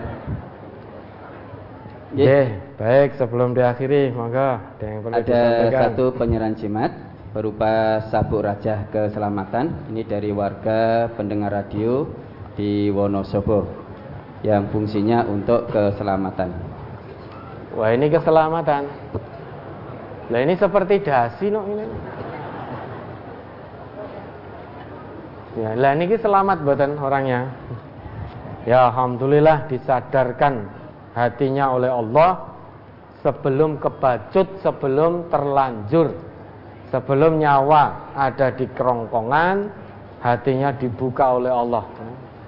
Ye, maka nanti di ke, dicampurkan dengan teman-temannya sana. Berikutnya permohonan doa kesembuhan untuk saudara-saudara kita yang sedang sakit. Ibu Ning Darsilah dari Wonosobo, Ibu Dewi Yulaikah dari Gadak Satu, Ibu Rumiati dan Bapak Wariman dari Wonosobo, kemudian Bapak Agus Muklis dari Semarang, Bapak Arif Rohman, Bapak Paidi dan Ibu Anggita Eka Pertiwi dari Sambi 1 dan Ibu Dalwiatun dari Tulung 2. Semuanya sakit mohon doa kesembuhannya, Ustaz. Baik, mari kita doakan beliau-beliau. Allah Allah masbihim, Allah masbihim, Allah masbihim. Ini belum selesai. Belum selesai, harus tetap jaga ketenangan. Ya, maka ada lagi. Berikutnya doa untuk saudara kita yang meninggal. Yang pertama Bapak Sunario dari Banjarnegara. Yang kedua Bapak Mohem Samsudin dari Ngawi. Ada dua. Baik, mari beliau berdoa ini kita doakan. Allah. Allahumma fir lahumma warhamhumma wa'fu anhumma wa'afihima wa akrim nusulahuma wa wasi' madkhalahuma wa ghsilhuma fi ma'i wasawjah ونكهنا من الخطايا كما ينقى الثوب الأبيض من الدنس وابدلهما دارا خيرا من دارهما وأهلا خيرا من أهلهما وزوجا خيرا من زوجهما وقهما فتنة القبر وعذاب النار Mudah-mudahan ya dosanya diampuni oleh Allah, ditempatkan di dalam jannahnya. Jadi semakin sering kita mendengar berita kematian saudara-saudari kita, itu tandanya giliran kita semakin dekat. Ibarat orang sedang antri, kalau depannya sudah, sudah, sudah, berarti kan kita semakin maju, maju, maju, maju. Lama-lama akan sampai. Lama-lama akan sampai. Maka la tamutunna illa wa antum muslimun. Mudah-mudahan Allah mematikan kita dalam keadaan husnul khatimah. Jadi sebelumnya biar tetap fokus ini ada pengumuman ya ini kumpulan brosur Ahad pagi tahun 2020 itu yang ini Ini 2021. Sekarang kan sudah 2022. Ini kumpulan brosur satu tahun sudah dijilid. Ini ada dua 2020, 2021. Karena selama ini kita tidak bisa untuk datang ke majelis ini panjenengan ngaos secara online disambi macul, sambil ngarit, sambil masak, sambil dandan-dandan, sambil sare. Ya, alhamdulillah ini diizinkan oleh Allah rawuh ke sini, maka silahkan Bapak Ibu yang ngersake untuk mendapatkan brosur tahun 2020, brosur 2021, silahkan langsung datang ke toko buku MTA. Harganya berapa? Harganya ini 35.000 ini juga 35 ribu. Mau jenengan beli satu juta insya Allah boleh. 10 juta juga boleh. Ya, monggo insya Allah semuanya kebaikan di sisi Allah sudah cukup? Berikutnya. Masih? Infak untuk ponpes dan dakwah. ya